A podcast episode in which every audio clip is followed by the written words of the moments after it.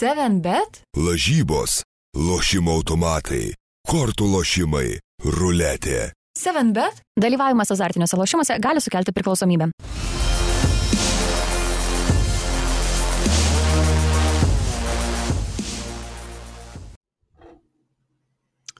Labą dieną, su naujais metais, kurie kamuolys e, ir vėl grįžta į jūsų ekranus ir ausis e, ir 2022 šį kartą dėl vadinamųjų e, sveikatos ir saugumo protokolų nusprendėme vienam kartui tikėtina grįžti prie nuotolinio įrašo iš namučių, prie sienų, tvarkingai susėdę, šį kartą trise su Mariumi Bagdonu ir Aurimu Tamulioniu, kurie abu yra 15 minučių žurnalistai, kaip ir aš, Ginteras Radauskas. Sveiki vyrai su naujais metais. Labas rytas. Senu. Dar susiderinsim, Nu kaip- man atrodo, Mariau. Mhm. kaip matau, grįžtam ir prie nuotolinių nesklandumų, bet kaip nors. nu gerai, tai gal pradedam nieko nelaukdami, kaip uh, atšventė naujus metus, Mariau. Aš ramiai, bet kokybiškai. Ir taip labai. Sakiau, kad tai turbūt buvo šitas savaitgalis praskrijęs greičiausiai mano gyvenime dėl tam tikruos priežasčių, bet tikrai labai maloniai pabuvau ir, ir, ir taip ramiai, bet, bet kokybiškai pradėjau metus. Mhm. Aurimai? Tai čia ta, Mario, variant, tas variantas buvo, kai viena para iš penktadienio į sekmadienį, ar ne? Praskriejo greitai. ne, Marius iš tikrųjų, kai taip, bet- dirbo naujų metų išvakarėse iki pat, pat pas to ferverko, jisai spaudė ten mygtukus ir žiūrėjo, kaip Sabaniukas žaidžia, gal futbolo nevyko. Išvakarėse buvo irgi ispanai ten truputį žaidė, bet e, kita, kita sporto šaka. O aš tai irgi ramiai ir ir irgi sm- smagiai taip ramiai. Kažkaip jau turbūt metai, pelenai byra, jau ra- ra- ramybės noris. Mhm. O Nu, aš, ką, aš, aš irgi pats. podcasto vedėjas? Su nealkoholiniu šampanu buvo pasidėta iki lygiai pirmos valandos, nes kitą dieną, kaip tu išvakarėse, taip aš iš karto vos suskambėjus gongui, kaip sakoma, e, sėdau prie darbų ir visą sausio pirmąją praleidau spaudydamas mygtukus, kaip sako Aurimas, e, irgi tik kitom temom jau šiek tiek, nesaboniuką analizavau. E, gerai, e, ką jau čia, pradedame mes apie futbolą kalbėti, vyručiai, praeitą kartą Aurimai tavęs nebuvo, bet aptarėm šiek tiek e, 21 metų ten geriausius įvarčius komandas futbolininkus. Tai dabar pasakykit man, kas geriausias 22 metų futbolininkas kol kas Mariu. Taip, Aurimai. Lukas Dejangas. O, va. Be- be konkurencijos. Už abu tos epizodus, ar ne? Taip. Jeigu rinkti šiais metais, variantą? tai Lukas, Lukas pasimtų titulą. Ką žinau, tai man atrodo, Koreja įmušęs du įvarčius į Rajo Valikano vartus dar geresnė opcija. Svarbu futbole mušti įvarčius, o ne ten pataikyti skersinius ar virpstus. Bet žinom, kad svarbu ir tai- gerai atrodyti rinkimuose. Daug gerbėjų turėti. Na, turbūt. Ah, Gerai, e, šiek tiek Lietuvos reikalų, nėra jų daug, e, tarp sezonis, bet yra šiek tiek naujienų. E, Samiras Kerla nebežais Suduvoje, o Hugo Videmonas, kuris keliauja į Kazakstaną, kur žais Aktobės klube, nebe, nebežais Žalgiryje. A, Kaip vertinat šitą naujieną ir e, ar manot, kad bus rastos tinkamos pamainos šitiems futbolininkams? Aišku, Kerla turbūt veteranas, e, tai jo karjera ir taip ėjo į pabaigą, ar ne, bet Hugo Vedemonas Žalgiriui tikrai yra e, didelė netektis. Gal ką nors jau girdėjai, Aurimai, kas ten planuojama Vilmos Žalgiryje, kaip sakoma? Tai tada, kai kalbėjau su Vilma iškart po sezono, tai iš karto ir pasakė, kad Hugo išlaikyti nepavyks, e, nes tiesiog e, per brangus ir, ir, ir lygis. Ir mes patys matėm, kad jo, jis visą galvą buvo aukštesnis čia mūsų kieme futbolininkas. Tai sunku, aišku, tokį išlaikyti. Ir, ir Vilma pasakojo, kad ir anksčiau jis jau turėjo e, pasiūlymų, variantų vykti. Tik kad žalgiriui niekas nieko nesiūlė, tik pačiam žaidėjui, tai Vilma tada minėjo, kad blokavo tokius išvykimus ir, ir pasiliko Ugo pas save, pasiliko tam, kad e, apgintų titulą. O kuo pakeisti Ugo, nežinau, įdomu bus matyti. Prieš tai žinom, buvo Livių Antalis irgi žaidėjas, kuris e, buvo geresnis už kitus toje komandoje, tai gal ir dabar pavyks kažką surasti. Aišku, sunku turbūt e, iššaut ir tai pataikyt, bet kažką turės daryti. Nežinau. O dėl Tai, Mariau, Samiro Kerolas dar norėjau pasakyti, tai mane tai nustebino iš tikrųjų, man tai nepaisant jo amžiaus, gal gynyboje jau ir atsirasdavo ten kažkokių įtrukimų, bet žinant ir svarbą, ir tą charakterį jo, ir norą laimėti, man tai kaip suduvos vienas toks kertinių žaidėjų. Gerai, jisai bosnis, bet jau toksai kaip jau ir pusiau suvalkietis patapęs. Tai aš nežinau, man, mane nustebino, kad jis, jis neliko komandoje, aš nežinau, e, ten tų povandeninių ir vidinių Krasnicko šiandien trūksta, bet e, kodėl jis išvyko, tai aš nustebau.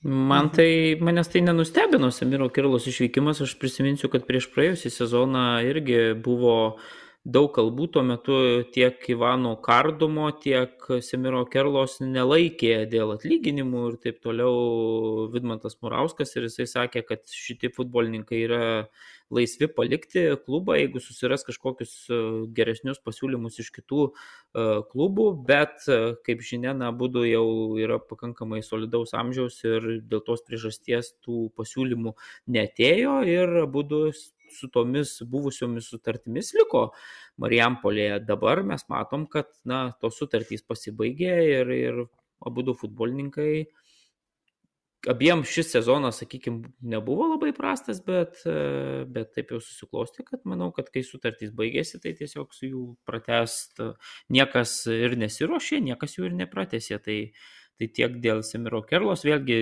yra tekę girdėti, kad ir Rūbinėje, na, dėl tų visų musulmoniškų dalykų irgi yra, na, truputėlį savotiškas futbolininkas, kai kada tai disciplinos prasme yra gerai, bet vėlgi yra ir tokių dalykų, kur, kur, kur bendra klubėms gal ne visai patinka, sakykime taip, ir, ir tas charakteris toksai Semiro irgi, irgi gan toksai ūmus, tai, tai, tai, tai manau, kad šita sąjunga buvo jau pasmerkta išširimui dar prieš praėjusio sezono pradžią. Na, o kalbant apie Hugo Videmoną, tai e, vėlgi, jeigu taip žiūrėsim, taip jau kuris laikas mes e, kalbam apie tai, kad jisai išaugęs yra lygos marškinėlius, bet Bet kiek man teko girdėti iš truputėlį Žalgirio komandos vidaus, taip pat su Hugo labai gerai jautėsi Vilniuje, tiek jo šeima puikiai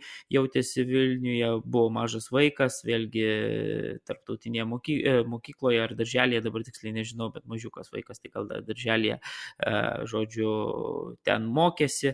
Ir visos tos aplinkybės futbolininkui, kuria, kuris jau nėra jaunuolis, sakykime, yra 28, man atrodo, jie metai, na, tikrai tas šeimininis gerbuvis jau yra futbolininkams labai svarbus ir, ir visas tas aplinkybės įvertinus, jisai kaip pats sako, aš esu kilęs iš Marselio, žinom, koks Marselis yra pavojingas miestas, tai jam čia gyvenant Vilniui, na, tikrai labai patiko ir, ir, ir tai manau, kad irgi buvo viena iš tų priežasčių, kodėl Hugo taip ilgai, sakykime, žaidė Lietuvoje.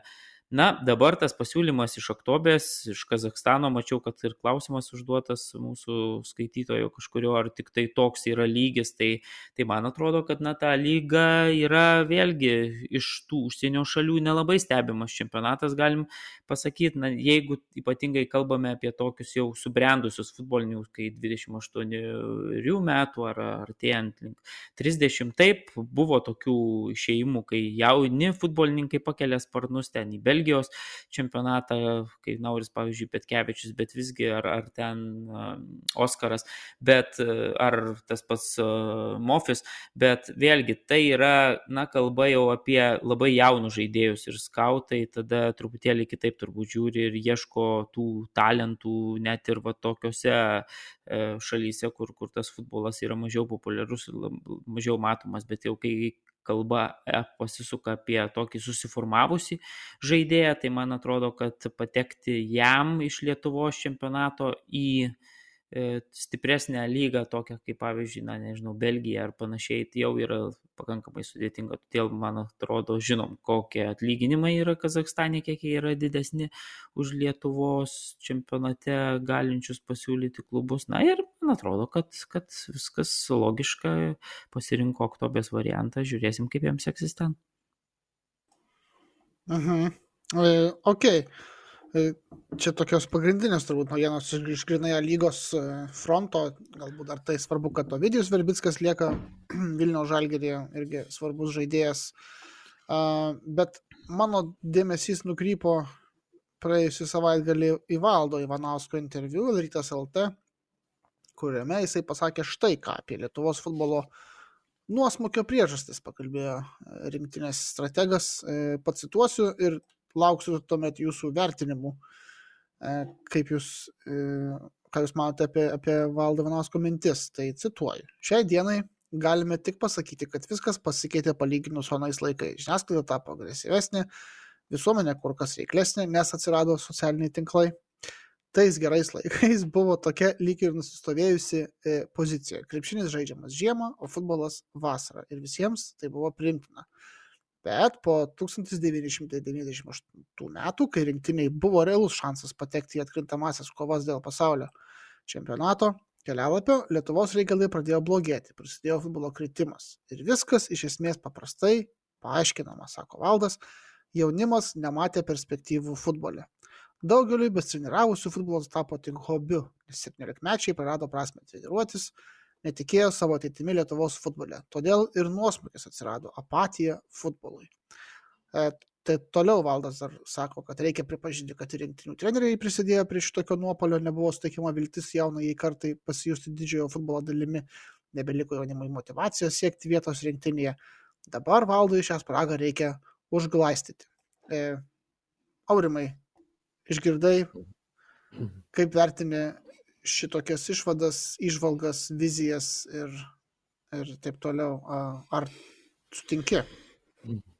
Jo pradžia buvo tokia smagi ir įkvepianti kabutėse dėl, tuos, dėl tos aštresnės žiniasklaidos, dėl socialinių tinklų. Tai tiesiog e, tie laikai, kuriuose mes gyvenam, tai valdas tiesiog gal, jam sunku gal prisitaikyti, kur, kur mes dabar atsidūrėm, kuris pats atsidūrė, kai kai turbūt įmuždavo įvartį ir jo ten artimieji po savaitės sužinodavo laikraštėje perskaitę, kad jis Vokietijoje įmušė, tai e, dabar kit, kitas gyvenimas ir ar žiniasklaida yra aštresnė, tai čia vėl jisai, ta prasme, tokia kaip kritika iš jo pusės, aš nežinau, kas čia yra, nes e, mes jau nesikį matėm, kaip, kaip vyksta jos spaudos konferencijos ir žurnalistas tiesiog užduoda klausimą ar jis ten turi kažkokią intenciją, nu aš abejoju, buvo įmuštas įvartis po standarto, tai tu tiesiog užduodi klausimą, kodėl, kas, bet e, žinom, kad Valdas Ivanauskas yra tas vienas pirmųjų, kuris iš karto puola ir ieško kažkokių tai priekabių, ar ten, kad kaž... nori, nori paklausti to, ko nėra, ar dar čia kažkas e, bus slapto parašyta, bus parašyta ne to, kad, kas atsakyta, e, kad reikėtų rašyti tai, ką jis nori, tai nežinau, keista, man atrodo, kad tiesiog jisai neprisitaiko prie šių laikų. O, o dėl to nuosmukio, e, nežinau, čia visi svarsto, visi ieško, žinom, ir majonezo istorijas, kur buvo investuoti futbolo pinigai. Ir, ir čia, man atrodo, bėda, kad mes e, nestatėm futbolo bazių ilgą laiką ir ta, tame pačiame Vilniuje mes vat, e, mėgėjai esam, tai žaisdavom kaip mėgėjai tai tu žaisdavai balose, vandenyje, purve, ten taškydavai, tas kamuolys nerieda, nebėga, tai kai tu, nežinau, tevam parodai, kad čia, čia tavo vaikai žais futbolą, treniruosis, nežinau, gal, gal tėvai nusprendžia, kad gal geriau, nežinau, nuvesiu į šokius kokius e, breiką šokti ar kažką, nežinau. Tai čia turbūt bėdelė didesnė yra, kad mes, e, mes neinvestavom į, į sąlygas, negerinom ir, ir futbolo niekas nenorėjo lankyti. Dabar, kai tos sąlygos atsiranda kažkokios, kad ir ta dirbtinė danga, tai matom, kad bumas vaikų, e, futbolo treniruotės lankančių vaikų jau yra daugiau negu krepšinio jau kurį laiką. Tai futbolą mes mylim lietuviai, tik tiek, kad e, kurį laiką nebuvo jo kur žaisti. Mario, ar sutinki? Jo, sutinku, bet man atrodo, kad trenerio toks sugrįžimas į praeitį, kalbėjimas apie tai, kad, na, tais laikais buvo lengviau dirbti ir taip toliau, tai man truputėlį irgi kelia šypseną, nes, nu, e, jeigu tu jauti nostalgiją ir jeigu tu nesugebi šiais laikais dirbti, tai tada, nu, tu duok vietą tam žmogui, kuris e, sugeba dirbti šiais laikais, jeigu tu jauti, kad, na, E, tais laikais e, tu būtum buvęs, ten, nežinau, geresnis treneris, naudingesnis ir taip toliau. Tai, tai man, nu, tas truputėlį keista, kad, kad jis skundžiasi, kad dabar viskas pasikeitė ir, ir tiesiog dėl to, kad pasikeitė, jis nesugeba ten taip kokybiškai atlikti savo darbo ir taip toliau. Nu, čia aišku, kabutėse taip kalbu, bet, bet, bet galima iš tos žinutės tai suvokti. Mane truputėlį stebina tokia retorika keista apskritai tai, kad jisai, jeigu kalba apie tuos laikus, ten prieš kiek čia, 23 metus, tai tuomet rezultatai rinktinių buvo geresni ir futbolas buvo geresnis žaidžiamas. Nu, tiesiog e, Valdas Ivanauskas geresnis buvo futbolininkas nei treneris, tai kai jisai žaidė, jis buvo geras futbolininkas, muždavo įvarčius, tai ir Lietuvos rinktinės rezultatai buvo šiek tiek geresni, kai jisai treneris, nu, kadangi treneris nėra toks geras, koks buvo žaidėjas, tai ir tie rezultatai komandos yra prastesni. Tai viskas logiška. Nu tai rezultatai prastesni čia šiais metais, pastaraisiais metais ir ne prie Ivanausko buvo, tai nereikia čia, žinai, taip suversti visko turbūt, bet e, man atrodo, kad tiesiog tuo metu tu su Airija lygiom žaisdavai, žinai, su rumūnais kokiais ten, su belgais vienas vienas, atsimenu, kažkuriais metais buvo ir visai ten neblogai atrodytų. Ta prasme, tai kur, kur dabar ir kur tada buvom, tai čia didžiuliai skirtumai yra. Tai aišku, kad žiniasklaida dabar tai pastebi ir, ir mato, kad rezultatai yra su tais palyginus tai katastrofiški, ta prasme, su buvusiais rezultatais, argi ne? Tai žiniasklaida tai taip, bet ten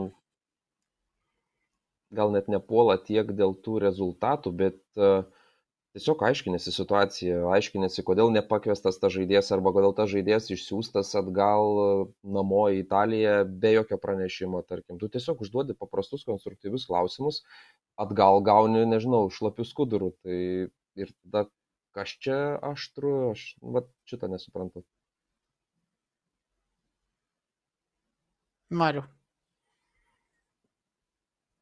Nu, man atrodo, kad tiesiog tie rezultatai tavo minėti su airiais ir taip toliau, tai buvo dar sovietinės sistemos rezultatas. Per tuos 30 mečius nepriklausomybės mes nesugebėjom, mano galva, pagrindinė problema, kad paruošti normalių vaikų trenerių, o man atrodo, kad vaikų treneriai yra netgi svarbesni nei, tarkim, kad būtų geras vaikų treneris yra netgi svarbiau nei, kad geras treneris vadovautų nacionaliniai rinktiniai ir taip toliau. Man atrodo, kai jeigu gerus labai pagrindus mūsų vaikai futbole gautų, tada man atrodo, kad ir jaunimo komandos ir, ir ta pati nacionalinė gautų visai kitokį produktą ir, ir galėtų būti konkurencingesnė. Dabar mes prisimenam, kad, na, tapus nepriklausomybė, aš pats eidavau į futbolo treniruotės, žinau, kaip tos treniruotės vykdavo, vėlgi ten keli pratimukai, numetamas kamolys ir, ir vaikai tiesiog žaidžia taip, masiškumui ir meiliai įskiepijimui futbolui tai yra labai svarbu, kai, kai, kai tarkim, vaikas jaunas žaidžia ir jam, na, tiesiog mėgaujasi to žaidimu, bet man atrodo, kad, kad na, pripažinkim, kad trenerių ruošime mes per tuos ypatingai pirmąjį nepriklausomybės dešimtmetį darėm labai daug klaidų arba iš vis dirbom nu, atbulomis rankomis ir, ir dabar dėl to turim tokį rezultatą. Nu taip. Ar nesutinkat jūs čia? Ne, taip, labai labai pritariu dėl vaikų trenerių. Mm, kas pas mus būdavo vaikų treneriai futbolo, tai tie, kurie patys gal kažkiek pabando, nepavyksta, ką veikti. Ai, sutreniruoti vaikus.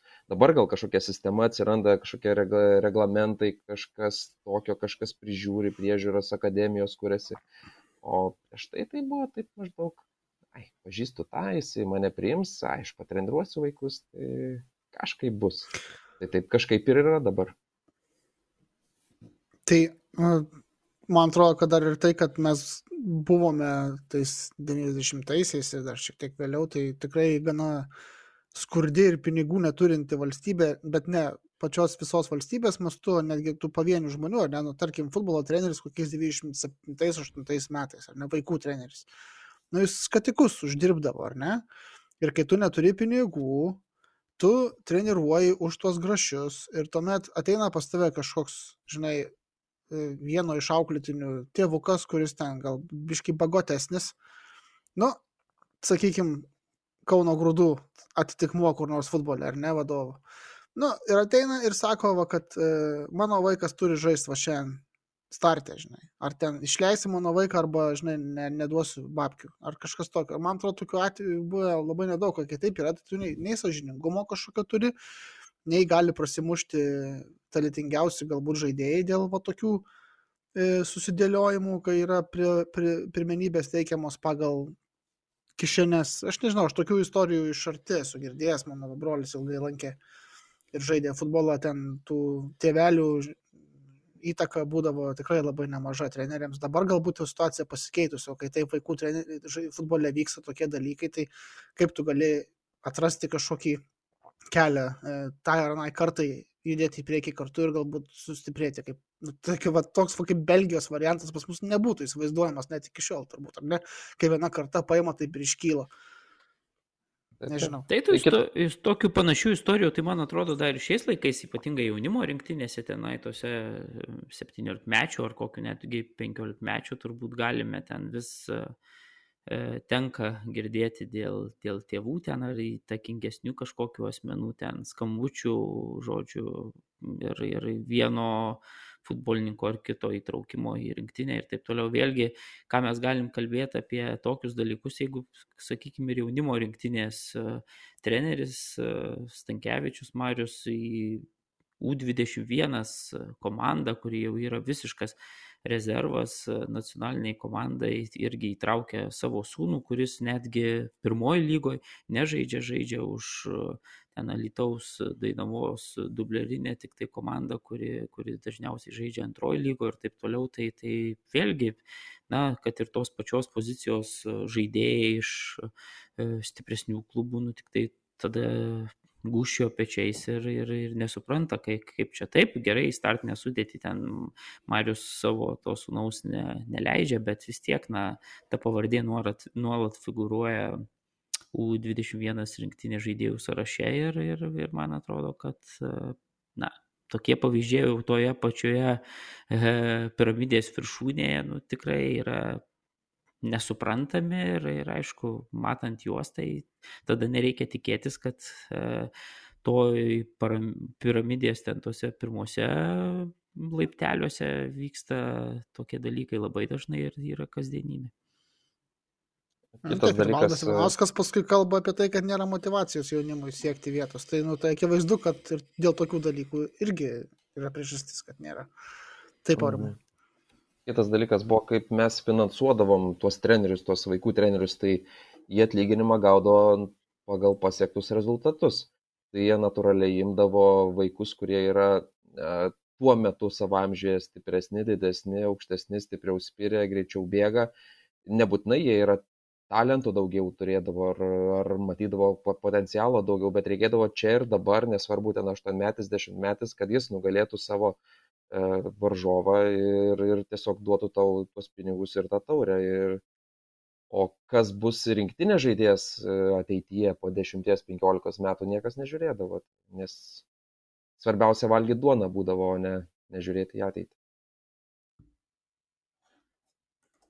Taigi taip. Nu ką, nu tai paliudėkim, paliudėkim, dabar galim žygiuoti gal už, už, už Lamanšo sąsiaurio. E, po truputėlį dar norėjau priminti, kad uh, mūsų rėmėjas yra kompanija 7bet, ačiū jai. Ir dabar trumpa uh, reklaminė pertraukėlė, po jos, va, kaip ir minėjau, žygiuosim į Angliją ir po to į Ispaniją. 7bet kazino, 7bet lažybos, 7bet kazino, 7bet lažybos, 7bet. Dalyvavimas azartiniuose lošimuose gali sukelti priklausomybę. Sveiki dar kartą. E, pirmoji dalis buvo trumpoko, nes Lietuvoje futbolas sausra šiuo metu.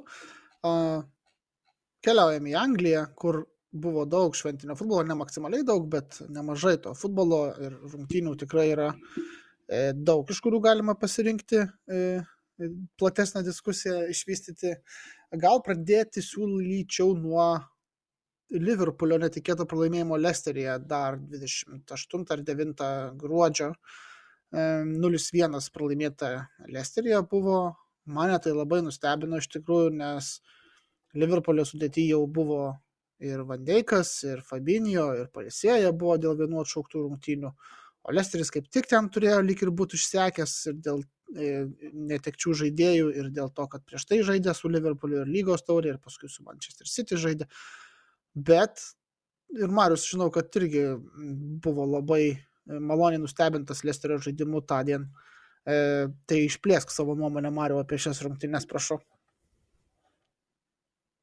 Daug jau vandens nutekėjo, tai aš nelabai atsimenu, bet aš prisimenu tik tai, kad e, mane gal netiek e, Lesteris nustebino truputėlį toksai išvargintas ir traumų išretintas, kiek labiau nustebino Liverpoolio toks prieš tokį varžovą žaidžiant, nu, silpnumas gal pasakyčiau, ar toksai, nu, tikrai, man atrodo, labai daug e, pažeidžiamų vietų komandoje, vėlgi NDD su Amarčiu lošia gynybos viduryje visiškai iš, iš tokio mm, priverstinio, iš, iš, iš, iš reikalo ir nesugeba ta vidurio gynėjų tokia keista pora pasinaudoti Liverpoolis. Taip, aišku, viskas galėjo tose rungtynėse pakrypti kitaip, jeigu Salahas būtų pirmo kelnio pradžioje įmušęs tą baudinį, bet buvo šiek tiek sėkmės e,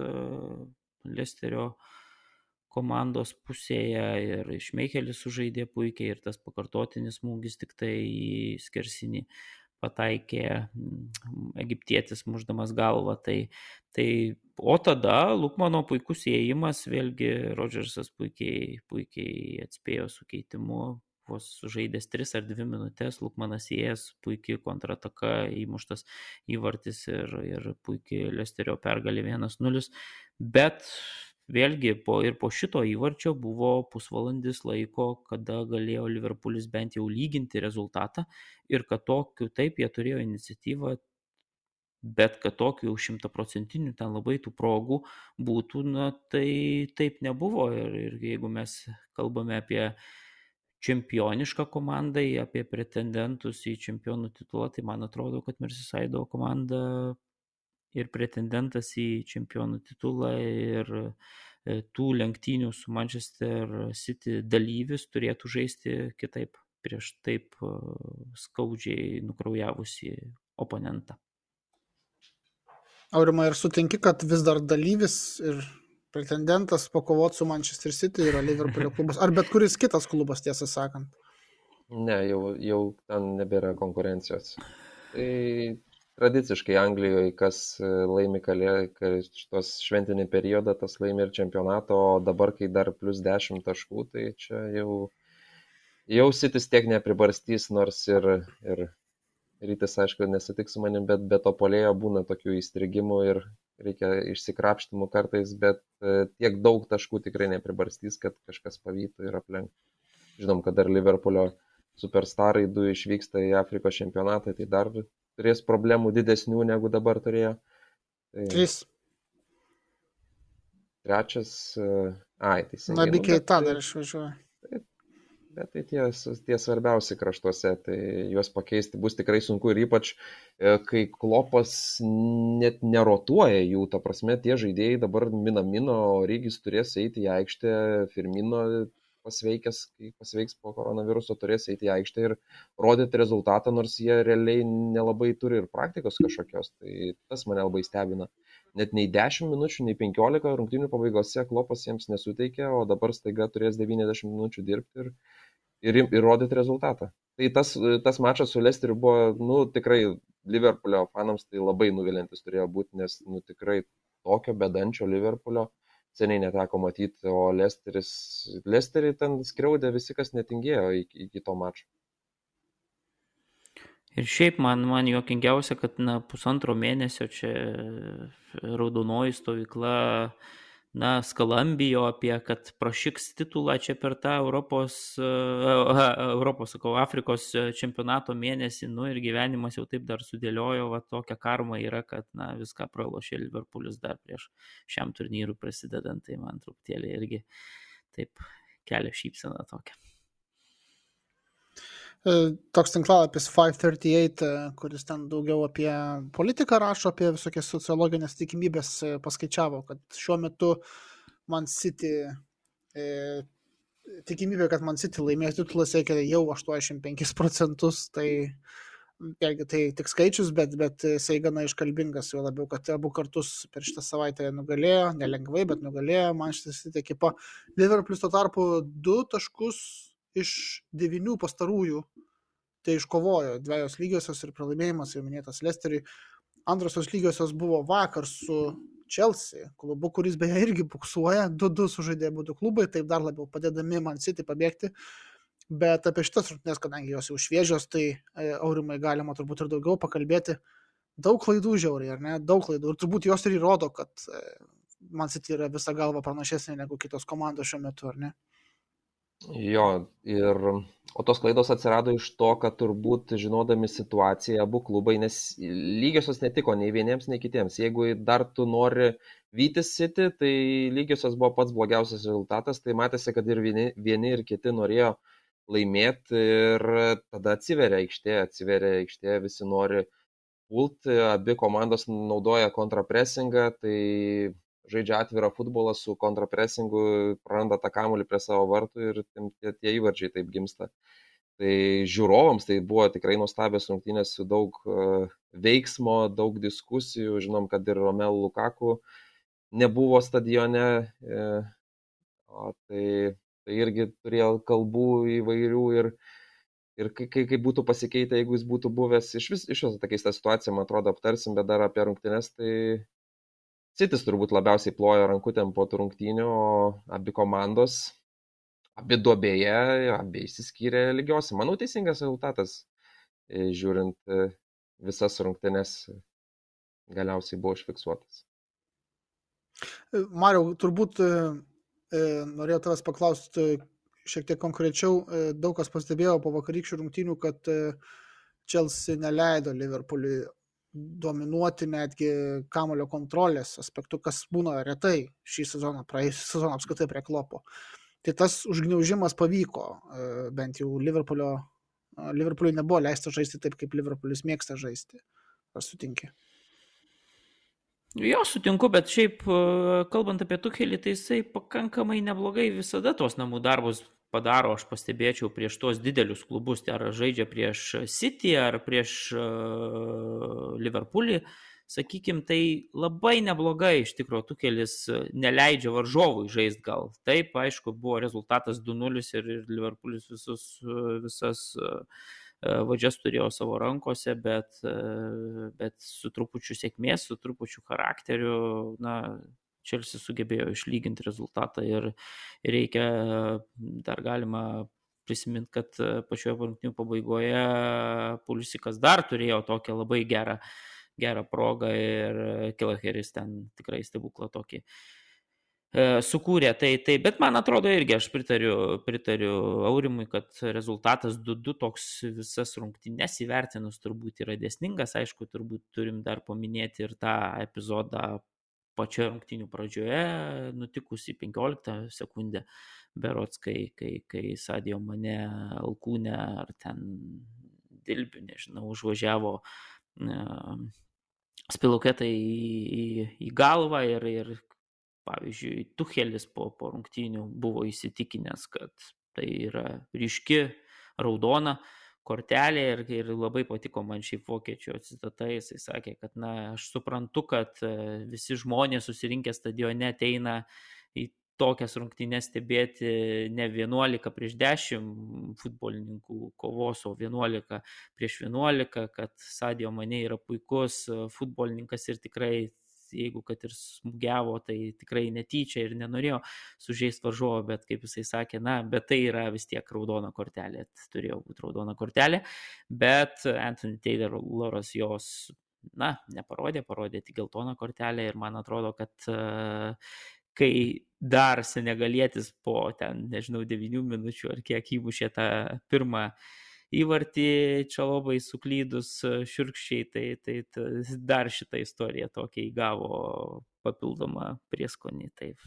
Tai va, aš asmeniškai manau, kad jeigu mano būtų sprendimas, tai irgi būtų geltona kortelė, bet aš e, puikiai suprantu ir tuos, kurie sako, kad e, tai buvo tiesioginė raudona kortelė.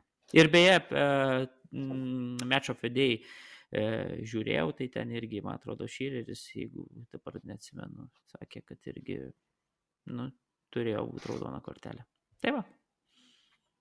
Tai ir tada jau be vieno žaidėjo, man atrodo, na, Čelsis, kad ir koks jisai pastaruoju metu, toks truputėlį irgi atrodė pasilpęs, na, tikrai, tikrai ir žinant, kad Liverpoolis ir šiuose rungtynėse žaidė be savo vyriausio trenerio Klopo, kuriam koronavirusas ir Pepinas Lindersas jį pakeitė, tai, tai tikrai būtų buvę na, labai labai sunku Liverpooliui. Bet dabar, sakau, taip įvertinus, man atrodo, 2-2 dėsningas rezultatas ir aišku, jisai, kaip jau Rimos minėjo, na, atidaro laisvą koridorių Manchester City į čempionų titulą. Jo, beje, e, pirmą kartą per 27 metus Premier lygoje vakar Stamford Bridge buvo stovimos vietos e, e, oficialiai veikusios daugiau negu 12 tūkstančių jų, buvo ir namų ir išvykos fanai, juose gražintas tas safe standing konceptas į Premier lygą. Po visų tų tragedijų prieš 30 metų bandoma sugrįžti šį kartą saugiai. Pasižiūrėsim, kaip pavyks. Bandymuose, bet Chelsea taip pat dalyvauja, dar tik tai bandymai šį sezoną. Trialas, sakykime, tai dalyvauja dar abu Manchesterio klubai, Tottenhamas ir Cardiffas iš Championshipo. Ką Mario čia norėjai jau sakyti? Nu, Man tai juokinga truputėlį. Aš, aš suprantu, kad ten, pavyzdžiui, sporto ministras ten, Huddlestonas sako, kad, kad čia e, yra evoliucija, mes jau čia dabar visai kitokie yra laikai nei, nei, nei tada, kai reikia pasakyti, kad visas šitas e, e, sėdėjimas pirmose dviejose divizionuose, tai yra Premier lygoje ir Championship'e buvo įvestas po visos tos 89 e, metų tragedijos, kai rungtynėse tarp Nottingham Forest ir, ir Liverpoolio e, Hillsborough stadione ten 97 e, žiūrovai žuvo per grumtynės, tai, tai faktas viskas yra suprantama ir taip toliau, bet dabar, kai, kai kalbama, kad na, čia pasikeitė, jau, jau yra laikai ir dabar mes vėl galim grįžti na, prie, prie, prie stovinėjimo to ir taip toliau, nu, man atrodo, kad aš labai skeptiškai vertinu, ypatingai kai tą patį savaitgalį Lico su Bernliu rungtynėse ten vėlgi po Bernlio įvarčio metui Lautonui šeimininkų sirgaliai mėtė ten ir įvairius e, plastikinius butelius, labai panašiai e, buvo ir rungtynėse Sičio, kai, kai Rozė įmušė tą pergalingą įvartį, irgi ten mhm. mėtytas e, tualetiniu popierium, vėlgi plastikiniais buteliais, tai tą patį savaitgalį čia vadovybė aiškina apie tai, kad na, čia mes jau dabar pastovėsim ir taip toliau, jau, jau galės visi grūstis į tą tribūną ir, ir vat, tą patį savaitgalį per kelių valandų mm, atkarpą įvyksta kitose dviejose stadionuose tokie dalykai. Na, nu, aš truputėlį yra juokinga. Ir kitas dalykas, vėlgi policija vėl teko skaityti, kad irgi į tokius labai skeptiškai žiūri, nes sako, kad labai sunku bus identifikuoti, bent jau sunkiau bus identifikuoti žmonės tenai vienokiam ar kitokiam incidentui nutikus. Vėlgi kalbam apie tai, kad uh, tuose tribūnose, na, dažniausiai grūsis tik tai vyrai, nebus nei vaikų, nei moterų, kas yra, nei, nei vėlgi seniorų, kas, kas irgi yra, nu, pakankamai logiška, man atrodo. Tai, nu, man atrodo, kad, kad jeigu ta sistema veikė 30 mečius, tai dabar ją keist. E, nesuprantu aš to tiesiog. Ka, kam, kam to reikėjo, man atrodo.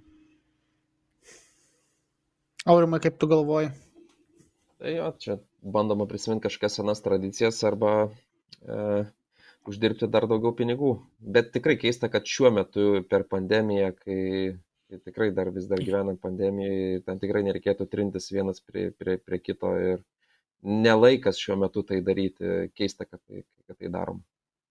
Ir šiaip Stanford Bridge'as dabar vat, rungtynėse su Chelsea, su, su, su, su Liverpool'u, aš jau šiaip pažiūrėjau, nu, blemba atrodo, kiek žmonių ten prisigrūdė, tikrai niekas, be kaukių visi ir taip toliau. Ir kai ten kiekviena atšaukiamos po dvi rungtynės per turą, nu, nu bet čia Anglija. Čia. Viskas normaliai. Mokasis Palauk. Albionas čia, čia. Tu palauk, Čia tai ne norė, norėtum, kad užsidarytų viskas. Taip, Anglijos protų nesuprasi. Aš tai džiaugiuosi, kad žaidžia, džiaugiuosi, kad žaidžia su žiūrovais. Džiaugis, Jo- džiaugis, teisingai viskas labai gerai. Nu, tai tu pasižiūrėk į statistiką, pamatysi, kad hospitalizacijų ir mirčių ten nedaugėja, tai tiek žinių čia. E, galbūt ir nėra tiek daug pavojaus, ypač kai dominuoja jau netokia pavojinga omikrono atmaina. Jis yra labai švelni gali- palyginti su delta. Tai tada gali, gali ir sergantis lošt, kam tas rungtynės nukelinėčiai. Aš, aš tai sakyčiau, kad taip. Gerai.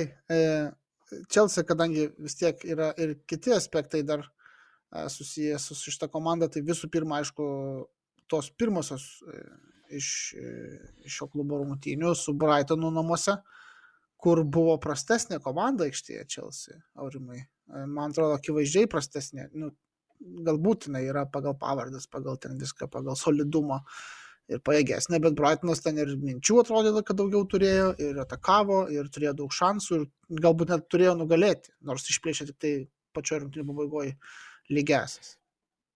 Tai Brightonas jau seniai gali keisti savo klubo pavadinimą į mes turbūt turėjom nugalėti. Jie ir praėjusiu metu yra XG čempionai ir šiemet jie futbolą žaidžia tikrai labai gerą, bet e, nežinau, polėjo reikia gero, jie tiesiog neiš, ne, neišnaudoja to savo pranašumo, kurį susikūrė, bet e, Grahamas Poteris ten tikrai gerą darbą atlieka ir tokių žaidėjų suranda, kurie vat, ir šį savaitgalį ir, ir, ir užsuko tą žaidimą ir perdavimus dalina ir muša įvarčius. Makalisteris kažkoks niekam jis ten nežinomas, muša skrymerius ir tikrai futbolą žaidžia tikrai nuostabu ir nestebina iš tikrųjų tie jų pasirodymai, tik tiek, kad nestebina turbūt ir tada, kad pralaimi, kai būna geresnė komanda. O Čelsis duobė yra jau, nežinau, jau mėnesį kokį, nuo tada, kai atrodė, kad jie, jie pirmavo Anglijos čempionate ir atrodė, kad jie žygiuos tolyn, pirmin, bet e, kai staptelėjo, prasidėjo tos lygiosios, e, išsimušė iš vėžių turbūt e, tuo met, kai pirmaudavo, dabar bandau prisiminti prieš Newcastle, prieš Evertoną, lik pirmauja 1-0, dar turi tris mirtinas progas, kur jau ten turi uždaryti tas rungtynes ir, ir ramiai švesti. Ir pabaigoje gauna vieną smūgį, vienas vienas, vienas vienas ir tada komanda turbūt praranda tą pasitikėjimą, tas e, čempioniškas, nežinau kaip čia tas mentalitetas jisai smunka ir tada galiausiai pradedi bijoti gal varžovų, nežinau, bijoti, kad tau įmuš ir atvažiuoja visokie Brightonai ir pradeda dominuoti pas tave. Tai tiesiog jau Čelsis anksčiau buvo įsimušęs ne šitose rungtynėse, man atrodo. Nu, tau Tuhelis pasakytų, kad čia daug, daug kortų jam sumaišė ir visi šitie covidiniai reikalai ir žaidėjų netektis. Nu, Nebūtinai dėl, Dėl vieno dalyko, bet- tai, jo, dėl vieno dalyko tikrai pritarčiau, tai Čilvelo trauma, bet jisai pats kaltas buvo tiesiog, kai Čilvelas pasiekė tą gerą sportinę formą, jis nuolat jį ir leido, jokios rotacijos nebetaikė, kaip ir dabar matom su Alonso, irgi žaidžia kiekvienos rungtynėse, jokios rotacijos, tai, nu, manau, natūralu, kad žaidėjai lūšta, kaip ir Risa Jamesas irgi. Kas antrą dieną žmogus žaidžia, žaidžia, žaidžia, tai, manau, logiška, kad galiausiai patiria traumą. Ir Čilvelo trauma labai svarbi buvo, nes manau, jeigu Čilvelo pakeitė Alonso, o kai jam kraštiniais, kraštiniai saugai, kraštiniai gynėjai yra tokie svarbus jo, sistemo, svarbus jo sistemoje, tai kaip žinom ir Lukako minėjo, tai tada ir prasideda problemos. Mario Nerijus Juodis klausia, ar Lukaku durnas, ar Tuhelis keistas. Tai papasakok apie šitą visą situaciją mūsų klausytams ir žiūrovams ir pareišk savo nuomonę, e, kas čia yra teisus ir kaip išbristi iš šitos situacijos, nes, nu, kaip ir minėta, buvo jau šiandien Lukaku vakar buvo nubaustas neregistravimu rungtynėse e, su Liverpooliu ir apskritai, aš nežinau, yra tokių klausimų dėl jo likimo klube apskritai. Žinoma, Abramovičiui ten šimtas milijonų čia yra kapeika. Mm, jeigu taip reiktų pasakyti, tik tai rinktis iš A arba B, tai sakyčiau, kad Lukaku durnas turbūt taip iš tos retorikos, bent jau kuri išėjus į viešąją erdvę yra. Situacija yra tokia, kad, na, e, polėjas e, viešai pareiškė, kad, na, nėra patenkinta situacija klube tiek savo, tiek netgi tokią užuomeną apie tukelio žaidimo stilių buvo pasakyta. Na ir tada tokia reakcija buvo gan treneris, kaip tu jau minėjai, pasodino belgą net ne ant suolo, nebuvo jisai registruotas šioms rungtynėms. Na ir, ir dabar Londone kalbam apie tai, kad šiandien e, Lukaku bandys įsiaiškinti, susitiks su, su, su Tuheliu prie keturių akių, na ir pabandys įsiaiškinti likus tom keliom dienom iki lygos taurės pusfinalio su Tottenhamu, kaip yra, kas čia yra kaltas, kas nepatenkintas ir taip toliau. Bet iš tos viešosios erdvės man labai patiko šiaip Tuhelio reakcija, aišku, ten jinai gal truputėlį ir, ir tokia,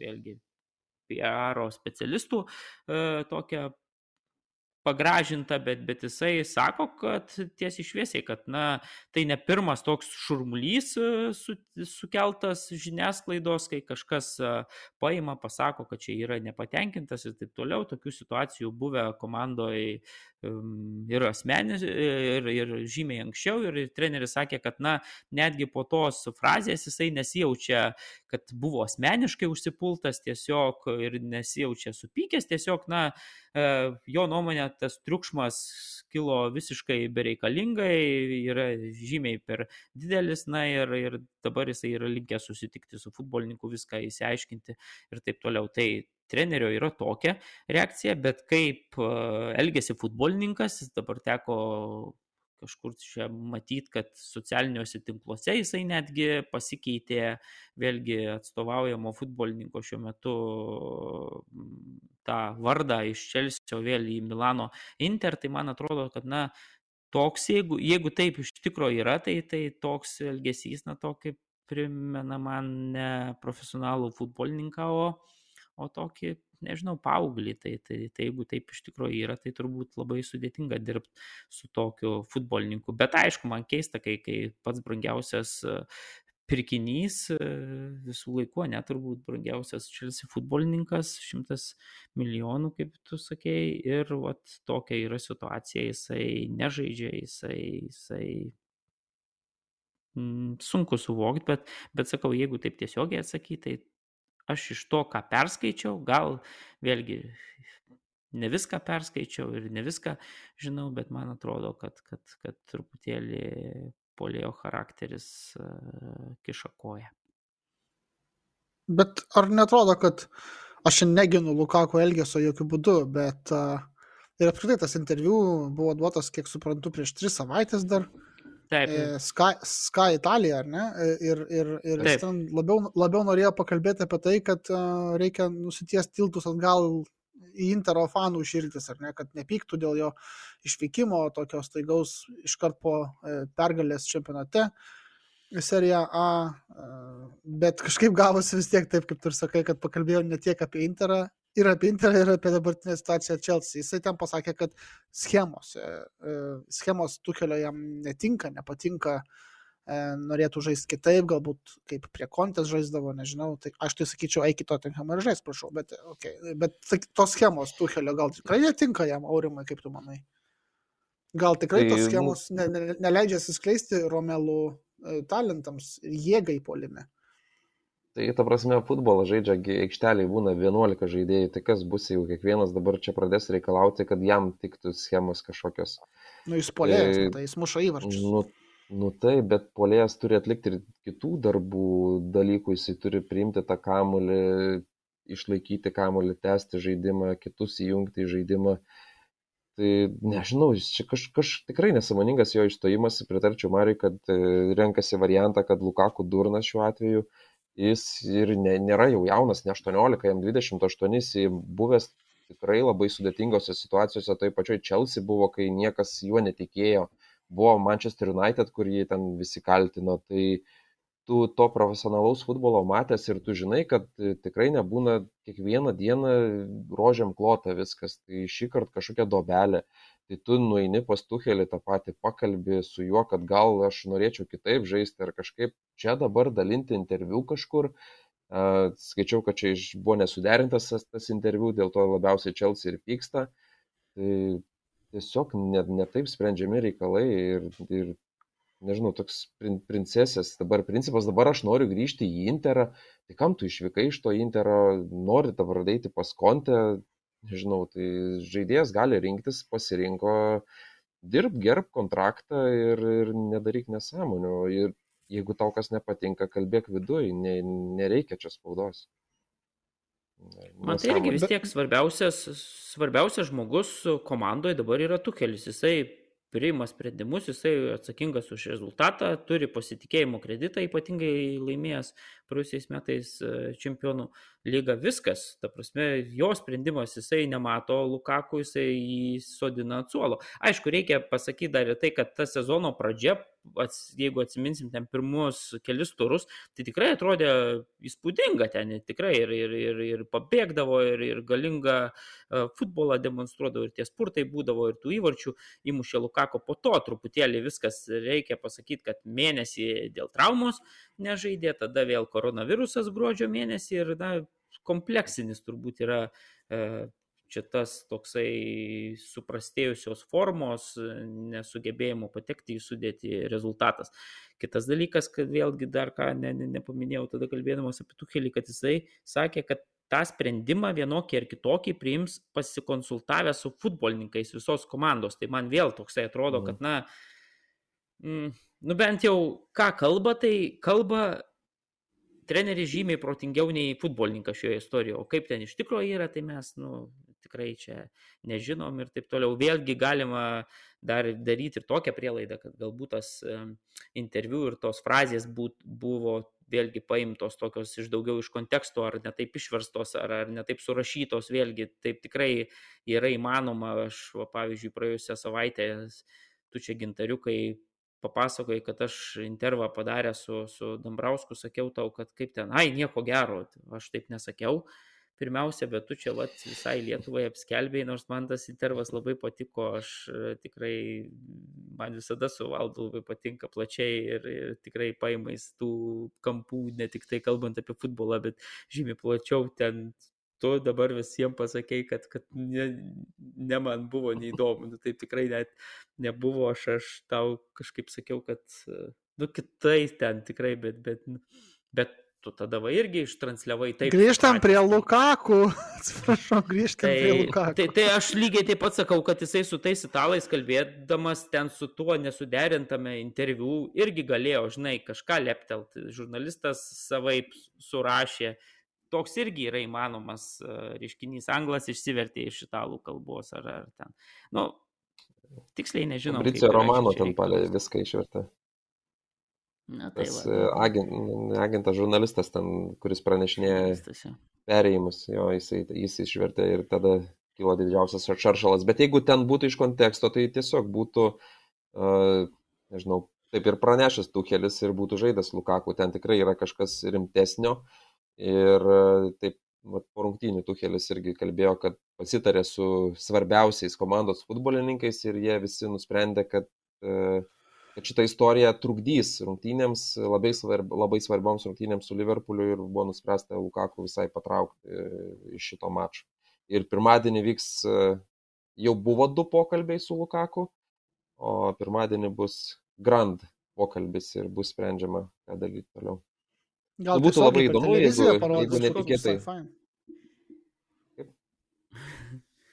neparodys televizija, bet, bet man atrodo, kad, nu, bet logiška, kad, nu, įtaką turi kažkas daryti rūbinėje ir jeigu dabar šiuo atveju, sakykime, Tuchelis nusileistų ir, ir ten vėlgi Lukaku iš šios istorijos leistų išeiti nugalėtojų, nu, tai tada tai ko vertas yra treneris ir taip toliau. Na, tokio lygio specialistai kaip Tuchelis, man atrodo, to tikrai neleis. Jis akivaizdu va iš to, ką kalba viešoje erdvėje, kad turi ir futbolininkų, ir kitų savo auklėtinių palaikymą, tai aš manau, kad mm, šioje istorijoje pralaimėtojas jau dabar yra aiškus. Tai beje, ir, ir Intero klube ten niekas to Lukaku tai baisiai nelaukia. Fanai po to intervo iš karto iškėlė plakatą ten ir papozavo, kuriame kažkas panašaus teigiama į tai, kad negerbėme tų, kurie išeina, kai sunku. Ir Romelų taip ir padarė, iš tikrųjų, ne, kai tik prasidėjo kalbos apie Inter prastėjančią finansinę padėtį, kuri beje netrukdo šiuo metu užtikrintai pirmauti seriją ir turbūt nugalėti pavasarį. O klubo vadovas, atrodo, dar seniau čia pasakė, kad e, nusipirkome vietoj Romelų Lukaku Edina Džeko, aštuonius kart pigesnis, bet rezultatas aikštėje panašus. Tai to, tokiais va, pasimėtė Intero atstovai, e, žodžiu. Ir turim, ką turim. Ne, nu. Nu, reikia pripažinti, čia dabar, žinai, galima šunis kart kaip nori, bet reikia pripažinti, kad praėjusią sezoną Lukaku žaidė labai gerai ir dėl to Milano Interas buvo toks, koks buvo, užtikrintai laimėjo ir tapo Italijos čempionu. Tai, tai nu, čia reikia, čia dabar žinai, čia nes sužaidė pusę metų, turėjo traumą, vasirgo ir, ir visi jau dabar užmiršta, ką praėjusiais metais jo ir Lautaro duetas buvo nuostabus Italijoje ir, ir, ir tikrai, nu, jis buvo turbūt svarbiausias žmogus toj komandoje, kuri tapo čempionetai.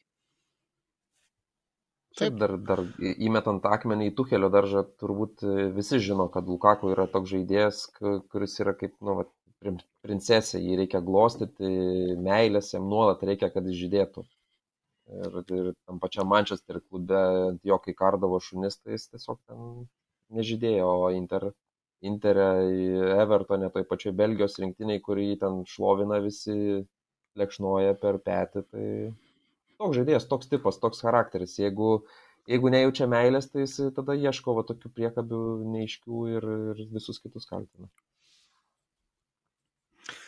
Gerai, e, Arsenalo City rungtynės dar šeštadienio sausio pirmosios e, rytą, dar Anglijai, sakykime, įvyko 2-1 išvykoje po paskutinę akimirką Rodri įmušto įvarčio laimėjo svečiai.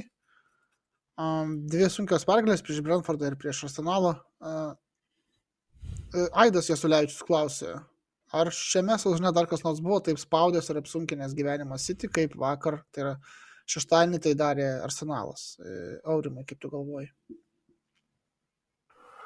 O, tai tas pats Brentfordas irgi ten pri, pri, pridarė rūpestėlių. Tai Sitis šiuo metu, bet, nu, šiuo metu neišgyvena geriausios sportinės formos, bent, bet šito žinom, kad šventiniu laikotarpiu visiems būna sunku, ten tie mačai, ten kaip pagirios vyksta, kas porą dienų, tu ne, jau ne, turbūt pamiršti, kas vyko prieš tai, kas vyko po to ir toks pasimetęs, toks truputį žaidi, bet ir pasisekė jiems su Arsenalu, tikrai pasisekė ten ir teisėjų sprendimų tokių buvo diskutuotinų, gal ir teisingų, sakyčiau, visose situacijose dėl to pirmo baudinio labai neaišku. Iš vienos kameros sprendžiant liktais ir, ir buvo baudinys, lik ir pirmai koją sužaidė, bet iš kitų trijų sprendžiant liktais ir kamuolį lietė, o teisėjai parodė tą kamerą, kur, kur atrodo, kad liečia kamuolį ir, ir jisai tai pastatė, nepastatė to baudinio. O po to Arsenalas pats kaltas e, savo progų neišsinaudoja. E, turi Granitą Džeką, kuris yra 95 procentų žaidėjas, 95 procentus laiko žaidžia labai protingai, bet turi 5 procentus proto pamišimo ir jis vis tiek, bet kada, bet kada tau atneš raudoną kortelę ar, ar tą 11 m baudinį, kuris ten buvo visiškai nesamoningas ir nereikalingas, Bernardo Silvo pats pirmas, pats pirmas griuvo, Nereikia laikyti to marškinėlių. Kam, kam laikyti tokioj situacijoje už marškinėlių? Nu kam? Nu nėra jokios logikos.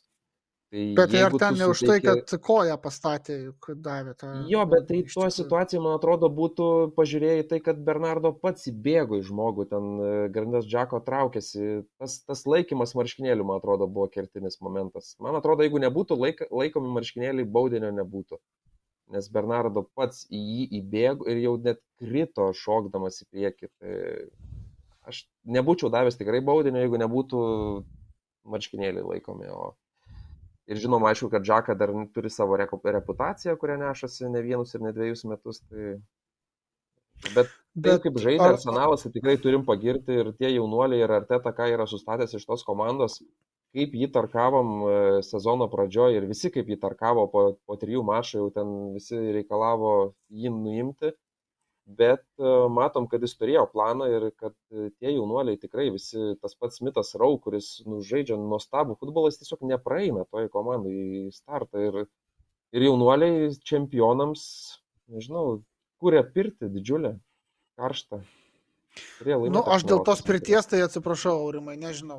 Aš mačiau rungtynes ir tikrai pirmajame kelnyje tai buvo tų pirtelių, bet jos tokios, nu, bliksinčios buvo tos pirtelės. Nu, aš, nuolatinio tokio spaudimo, kur būtų ir kamuolys kontroliuojamas, kažkokia apsaustis, nu nemačiau. Nu, ir galų gale ne tik dėl raudonos kortelės e, Gabrieliui ta statistika pasisuko visiškai į City pusę, bet ir prieš tai. Nu, tai per visą mačą Arsenalas du kartus pataikė į varžovų vartų plotą, kamulio kontrolė 28, man atrodo, procentai šeimininkų pusėje. Nu, buvo to paspaudimo, bet jis, nu, klausė Aidas, ar šiame sezone dar kas nors buvo taip spaudus ir apsunkinęs, tai ir Brentfordas šiek tiek, galbūt net ne tiek, bet nu, tai ir Liverpoolisgi, kai žaidė susiti ir baigėsi rungtynės lygiosiamis, irgi buvo ten šiek tiek e, neramu turbūt jau City futbolininkams, ar ne? Nu, ir tie pralaimėjimai City juk irgi egzista, yra, yra užfiksuoti istorijoje, ne šį sezoną. Crystal Palace, man atrodo, pralaimėjo.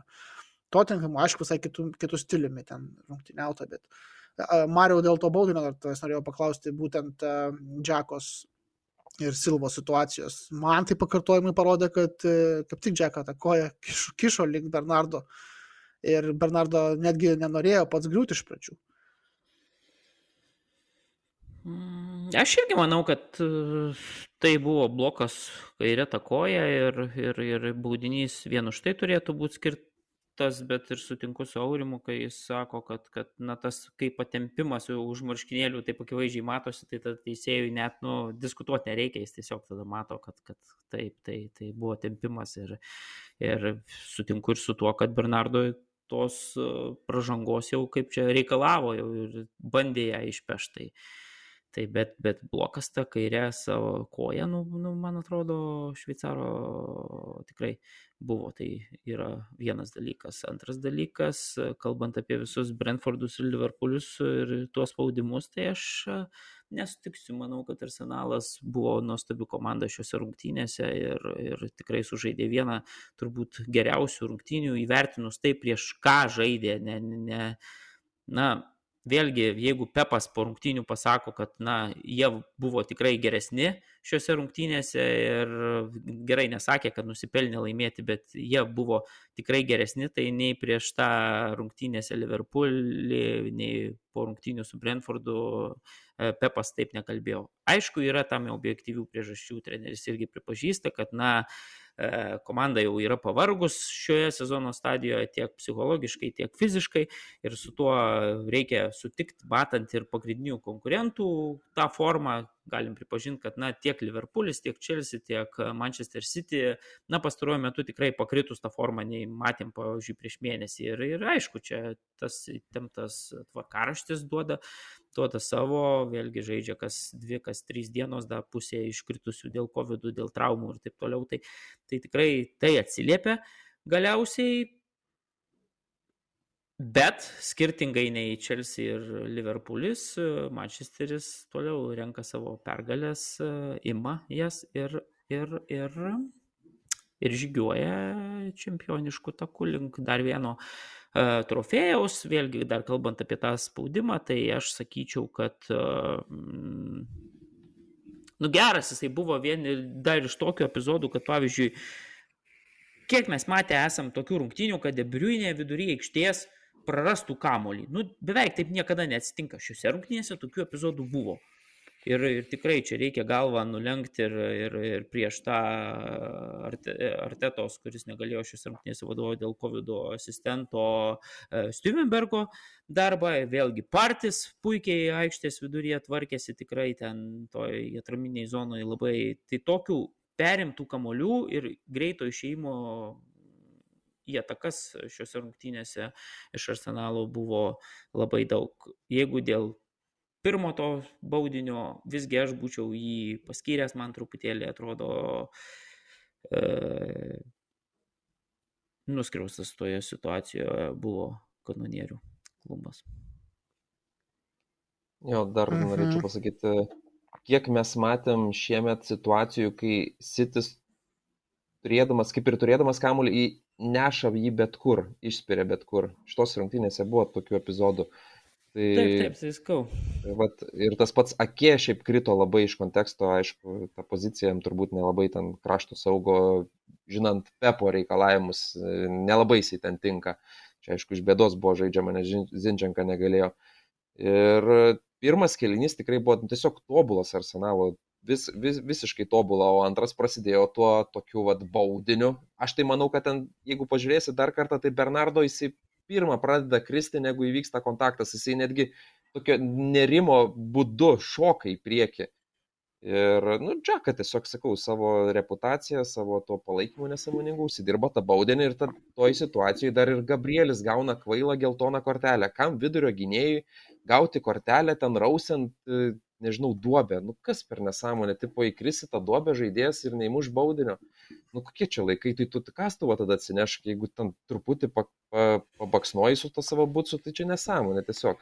Ir po to jis dar drasko akis, kad nebuvo antros geltonos. Nu kaip ten nebuvo antros geltonos? Ne, antra tai jau visiškai jo stabdymas. Ne, tai, o jis ten kiek šokinėja ir, ir drasko akis, ranko mojuoja, nu nesąmonė patys, bet Džakos e, proto užtemimas Gabrielio ir, ir patys prisidirba.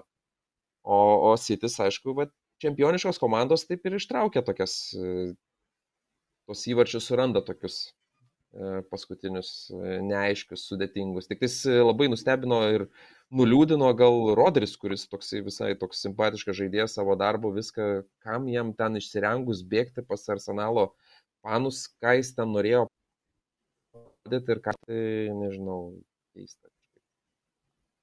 Ne, nu, tai kai paskutinę akimirką laimi, tai, tai džiaugsmas žinai, tai kartais nevaldomas. Prie varžovų tribūnos pas fanus ir ten demonstruotis. Tai tu aikštėje lik, tai aš suprantu, ten toks jau toks, nežinau, gal fanai kažką skandavo arsenalo per rungtynes, kažką pasakė, nežinau, bet nereikia taip, manau, daryti.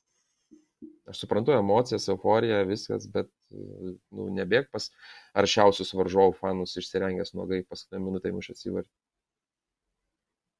Beje, Gabrielius gavo šimtąją arsenalo raudonąją kortelę per Premier lygos istoriją per tuos 30 mečius šio laikinės Premier lygos istoriją ir arsenalas yra daugiausiai raudonų kortelių gavęs klubas lygoje. Tai ačiū granitui džekai turbūt. nu, granitas paėmęs ten jo kortelių, kaip tai. Ja, ja. Uh, žiūrėkit, kontroversiškas uh, klausimas jums. Uh, pasižiūrim virtualiai, tiesiog metaforiškai, pasižiūrim į lentelę turnyro ir ką mes matom, kad klubas, kuris yra antroje vietoje šiuo metu, tai yra Chelsea, pagal prarastus, prarastus taškus, tik tai pavyzdžiui taškų lenkia Tottenhamą ir trimis Manchester United, kurie yra atitinkamai berots 6-7, kažkas tokio vietoj. Tai kitaip tariant, dėl to tvarkaraščių čia tas rungtynes dar reikia laimėti, be abejo, taip toliau, bet, bet, bet galbūt netgi atsiveria kova ne tik tai dėl ketvirtosios, bet ir dėl aukštesnių pozicijų, Aurimai, kaip tu galvoji. Ypač mm. stebint formą, tarkim, Chelsea, ar ne, arba Liverpoolis, aišku, turės per tą sausį tik tai du mačius su Crystal Palace ir uh, neatsimenu dar su kuo, tai, tai ten gal ir nugalės, bet, bet e, nebus skirtinių žaidėjų. Kaip ne, tai tu taškų... Čia aš jau per toli žiūriu. ne, tų taškų nereikia skaičiuoti. Žinom, kad Kontė dar nepralaimėjo Anglijai, tai čia Tottenhamo forma irgi parodo, aišku, jiems irgi pasisekė ten rungtynėse su Watfordu, bet e, taškų tikrai nereikia skaičiuoti, e, nereikia taip žiūrėti, nes abejoju, ar Tottenhamas iš 9-9 susirinks, bet kad klaus... jeigu reikėtų dabar pasakyti, kas užims tas vat, kitas tris vietas po e, Sičio, nu tikrai būtų sudėtinga. E, gerai, Liverpoolis neturėtų tiek nu, nugarmėti. Chelsea su savo vidiniais skandalais jau dabar neaišku, pastaruoju metu tikrai jų forma neįtikina. ką dar rinkčiaus arsenalą gal, kuris atrodo stabili komanda šiuo metu, tai Liverpoolis arsenalas ir va, dėl tos ketvirtos pozicijos visiškai neaišku. Nežinau, Mhm. kas, Mariau? kas, kas būtų. Nu, man tai atrodo vis tiek tos trys komandos yra pajėgesnės, kad ir kaip bežiūrėtume. Taip, dabar turi problemų, apie kurias jau anksčiau kalbėjau, tiek Liverpoolis, tiek uh, Londono Chelsea, bet, nu, man atrodo, kad pagal žaidėjus, pagal trenerį, kurį turi šalia aikštės, nu, šitie klubai, nežinau, nežinau, ne galva, bet pusė galvos tikrai yra už visas tas e, tavo vardintas komandas, kai Tottenhamas ar, ar, ar e, Manchester United pranašesni, man atrodo. Ir dar ne tik pranašesni, bet dar turi ir taškų kelių persvarą. Tai, tai, tai aišku, futbolas nenuspėjamas, visai čia gali pasisukti ir būti, bet, bet man atrodo, kalbėti apie tai, kad Tottenhamas, na, mm, nu, tikrai dar yra per anksti, kai, kai, kai tą patį Watfordą, pavyzdžiui, nugali ten, nežinau, 96 minutę.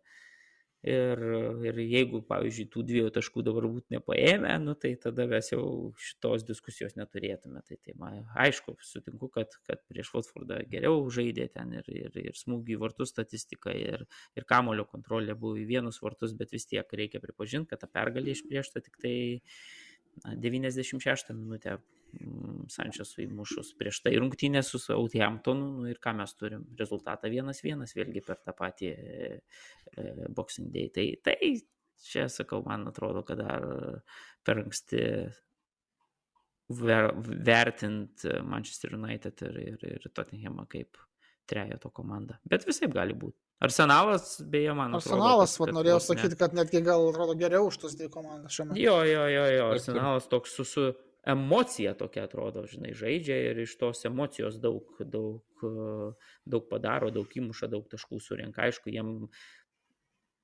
vėlgi, ką jau esame irgi kalbėję prieš tuos pagrindinius vat, e, stipriuosius klubus, visgi, kad ir kaip jie kartais geriau sužaidžia, kartais iš vis beviltiškai, bet tų taškų vis tiek nepaima, bet jie pakankamai surinka su tais Southamptonais. Tai nors dabar, jeigu nežinau, kaip Southampton sužaidė, kad čia po to ne, ne, nekritikuotų kas nors, bet, bet su tais vidutiniokais surinka, surinka tikrai taškus tvarkingai šį sezoną. Nu, matai, Va, va, yra. Chelsea su, su Evertonu išbirėjusiu nepaėmė trijų taškų, su Wolverhamptonu nepaėmė trijų taškų. Tokių vis Na, atsiranda. jo, Nu bet po sakau, ir. Tottenhamas nepaima, žinai, ir Tottenhamas nepaima. Tai iš jų City tai daug čia, kas klumpa ir viskas. Nu. Jo, e, kalbant dar apie tas Tottenham rungtynės, tai viską tu teisingai, man atrodo, susakėjai. E, Konte po rungtynių pasakė, e, nusistebėjęs pats sako, nu, turim reikalų, gerai, kad laimėjom, bet žiūrėkit, 29 krosai, perdavimai iš dešinės ir, ir, ir, ir ne vienas iš jų nebuvo tikslus, vos ne, kažkas tokio pasakė taip. Tai ir jis pats pripažįsta. Jo galbūt paskutinio jis- paso, sakė, trūko. Taip, taip, tai, tai, tai yra akivaizdi problema, dabar po truputėlį grįžta Loselso į vidurį, tai gal ten šiek tiek kūrybos atsiras, bet krašte dešiniam, ypač dešiniam, nes kairė regionas dar visai neblogai atrodo, bet dešiniam rojalis ten, nu, ne karališkais, ten visai tos kamuolius perdavinėja ir dabar kaip tik yra gandas, kuris vis stiprėja ir iki, iki Fabricio Romano e, to paties, kuris šiaip laikomas patikimų žurnalistų, kad vis dėlto bandys prikriepti Adamatrą ore iš Wolverhamptono Tottenhamas ir statyti jį būtent į dešinę šito vingerio poziciją, kad jisai skirtingai negu Royalis, jisai galėtų apeiti tuos gynėjus viens prieš vieną, pavyzdžiui, ir arčiau vartų prioritėti ir tuomet galbūt išmokins ir perduot kamuolį, dar nežinau. Tai pažiūrėsim, būtų visai įdomu, e, nežinau. E, Ar turit ką dar apie Angliją pridurt, ponai, ar keliaujame į Ispaniją?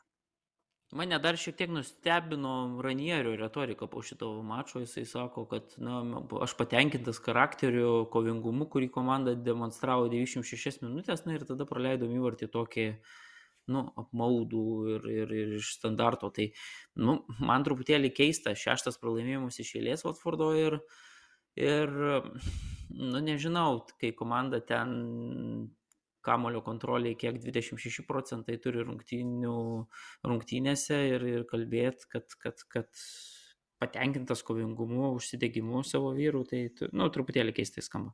Bet čia jau jisai yra Premier lygos čempionas, nieko nepasakysiu. Jo, dar pakalbėjome apie Lukaku, tai ir apie kitus. Pierre Ameriko Bamjangą. Arsenalas jį tokį patraukė nuo savo komandos ir iš tikrųjų atrodo, kad taip pulinį įsispaudė ir dabar visi ten dar, darniai dirba. Ir su Denisu įdomi istorija su Watfordu, kad e, Nigerija norėjo jį pasikviesti į Afrikos čempionatą, bet e, galiausiai taip e, visą tą istoriją įsigilinus paaiškėjo, kad e, pats Denisas atsisakė, žinom, kad ten toks truputį crazy futbolininkas, kuris e, Briugės klubą paliko dėl to, kad e, ne, negalėjo sėdėti autobuse ten, kur jo mėgstama vieta buvo, kažkas užsėdo jo vietą, tai dabar jisai atsisakė vykti į, į Afrikos čempionatą, ten turėjo nes, nesutarimų su buvusiu treneriu Nigerijos, su dabartiniu kaip ir nieko blogo nebuvo, federacija ten labai norėjo Denisą kviesti, bet jis nusprendė pats e, likti Watfordo klube, bet per didžiąją pertrauką buvo pakeistas. Ranieris sako, kad kad buvo netinkamas mindsetas ir toksai truputį kažkoks suirzęs, sus, sus, susijaudinęs, turbūt tą visą situaciją irgi paveikė. Nes Nigerija viena iš favoričių Afrikos čempionato, tai Denisas dabar ten būtų žaidęs, nes Napolio polės Omsi. Kokia ten toje pavardė? Os, Osimenas, jisai dėl COVID nežais, tai Denisas būtų pagrindinis polėjas tai buvęs. Tai va, žmogui buvo pastatytas sprendimas ir Nigerija, ir Watfordo klubas sako, tu, Denisai, nuspręsk, važiuoji ar ne. Ir jis nusprendė nevažiuoti. Priėmė tokį sprendimą. Beje, Afrikos čempionatas prasideda sekmadienį ir labai laukiu, fainai turėtų būti, jeigu, mm. jeigu iš tikro jisai įvyks. Žinom, kad dabar čia skaičiau, kad e, Gambijos ir Alžyro, man atrodo, draugiškos rungtynės prieš e, e, nesinį, va čia šiom dienom turėjo vykti savaitgalį, jos buvo atšauktos dėl COVID, tai, tai tikrai tų pavojaus signalų yra nemažai, bet tikiuosi, kad, kad na, vienokia ar kitokia forma jisai prasidės, o jeigu prasidės, tai turbūt ten su vienais ar kitais futbolininkais gal ir nebus visų ryškiausių žvaigždžių, bet, bet ta, tikiuosi, kad, kad visai turėsim fainą tarp valstybinių komandų turnyriuką ir, ir tas tris savaitės. Jo, sekmadienį, kaip Mariu ir sakai, startuoja Kamerūne vyksantis e, turnyras Afkono. Pirmosios rungtynės tarp šeimininkų ir tarp Burkina Faso rinktinių. E, šešiuose stadionuose vyks kovos, e, iš jų bent porą, tai tikrai, kiek pažiūrėjau, tai atrodo tikrai gražiai. Anglijoje buvo tokių šiokių, mm, nežinau, neaistrų, bet tokių diskusijų. Buvo labai skeptiškų pasisakymų, kad čia ką čia tas Afkonas, kodėl čia reikia kažką važiuoti taip toliau, bet tada ištojo keli panditai ir, ir pasakė, kad palaukit, afrikiečiams tai čia yra tas pats, kas mums yra Europos čempionatas. Ir tai yra jiems tikrai svarbu, jie atstovauja savo rinktinėms, savo spalvoms ir nori nugalėti. Ir, ir kadangi pernai tas turnyras neįvyko, jau ir taip ilgai laukia, tai, tai manau, kad tikrai turi visišką teisę ir, ir, ir, ir, ir nuvykti ir rungtyniauti ir, ir galbūt padės tai, kad kažkas vis tiek greitai iškris ir grįž namo į klubus tie žaidėjai. Bet jo, išvažiuoja ir iš Chelsea, ir iš Arsenalo, ir iš e, be abejo Liverpoolio daug žaidėjų. Mm, pasižiūrėsime. Ar turėjo ten akistatą su Aliusiuose Senegalo rinktinės e, vyriausiųjų trenerių dėl, dėl mane, sakė, kad, na, žinom, klopo e, požiūrį į šitą turnyrą ir tada Aliusiuose sakė, na, čia visiškai nesuprantu vokiečių tokio pareiškimo, mums tai yra žemynų pirmenybės ir kaip jūs, nu, kaip jisai, kas jūs toks, kad čia dabar pradėtų aiškinti ir taip toliau. Tai, tai kai, kai yra Europos čempionatas, tada mes žiūrim vienaip, o jau kai yra Afrikos čempionatas, na taip, jisai aišku vyksta sezonų metu ir tai yra turbūt didžiausia priežastis, bet, bet, bet ir dar beje tave pataisysiu, penkiuos miestos ir šešios stadionos vyks tas, tas turnyriukas. Ne šešios. Nu, bet... Nesvarbu, kad sakiau, kad šešiuose stadionuose ir tiek žinių, bet tokie. Atrodo, Nesakiau nieko apie miestus. Ne. Nu, matai, Gerai. aš tavęs neišgirstu ir tu manęs neišgirsti. Mes kažkaip ne, ne, nebesutampa mūsų biolaukai, ar ne, Mariu? Nu, matai, išgirsti tada gali, kai klausai, aš beveik niekada neklausau, čia turiu tą tokią problemą. Tai. uh, ok, žodžiu, gal tada mes keliaukime į Ispanijos čempionatą, kur e, buvo ir 31 gruodžio rungtynės ir vakar buvo šūsnis rungtynių. Ten tu paminėjai apie tą COVID ir apie reikalus e, futbolo stringančius dėl jo, tai Ispanijoje, pavyzdžiui, aš esu pastebėjęs, kad visiškai kitaip elgėsi lyga negu Premier lyga, pavyzdžiui, ar ne, COVID atveju. Kad ir kiek žaidėjų trūktų, mačai nenukeliami ir žaidžiama su tuo, ka, ka, kas turima. Barsai, pavyzdžiui, vakar truko 14 žaidėjų, aišku, ne tik dėl COVID, dėl, dėl, dėl suspendavimų, dėl traumų, ten realų irgi tas pats. Bet, o apie e, Premier lygą nukelinėje, kuris kelias aurimai tau atrodo geresnis, aš tai, pavyzdžiui, už, už ispanišką variantą būtų daug įdomiau. Tai aš irgi tik tais už ispanišką, nes uh, tas pats Evertono klubas, ten buvo daug diskusijų, kiek ten žmonių serga, o kiek jie ten dėl traumų nusikelia. Nežinom, kad Kalvertas e, Liūnas jiems labai svarbu žaidėjas, tai jisai tuo metu dar nebuvo pasiruošę žaisti, jie ten savaitę nusikelia ir jis jau dabar grįžta žaisti. Tai ten tų tokių, žinai, paverkimų, kad tu negali žaisti, tai tu imk iš akademijos, tu turi dublerius, e, akademiją turi. Bent jau privalai turėti. Mhm. Tai taip, taip, taip, juk ten licencijas kitaip negausi. Tai, ta prasme, kai tokie klubai pradeda verkti, kad mes neturim žaidėjų, nu aš suprantu tas rizikas, kad jeigu įvyksta staigus pro, protrukis e, prieš pat mačą, tarkim, e, dieną testuoja ir, tarkim, penki atvejai. Tai tada klausimas, kiek, nu, bet tarkim, jo, penkis parodė.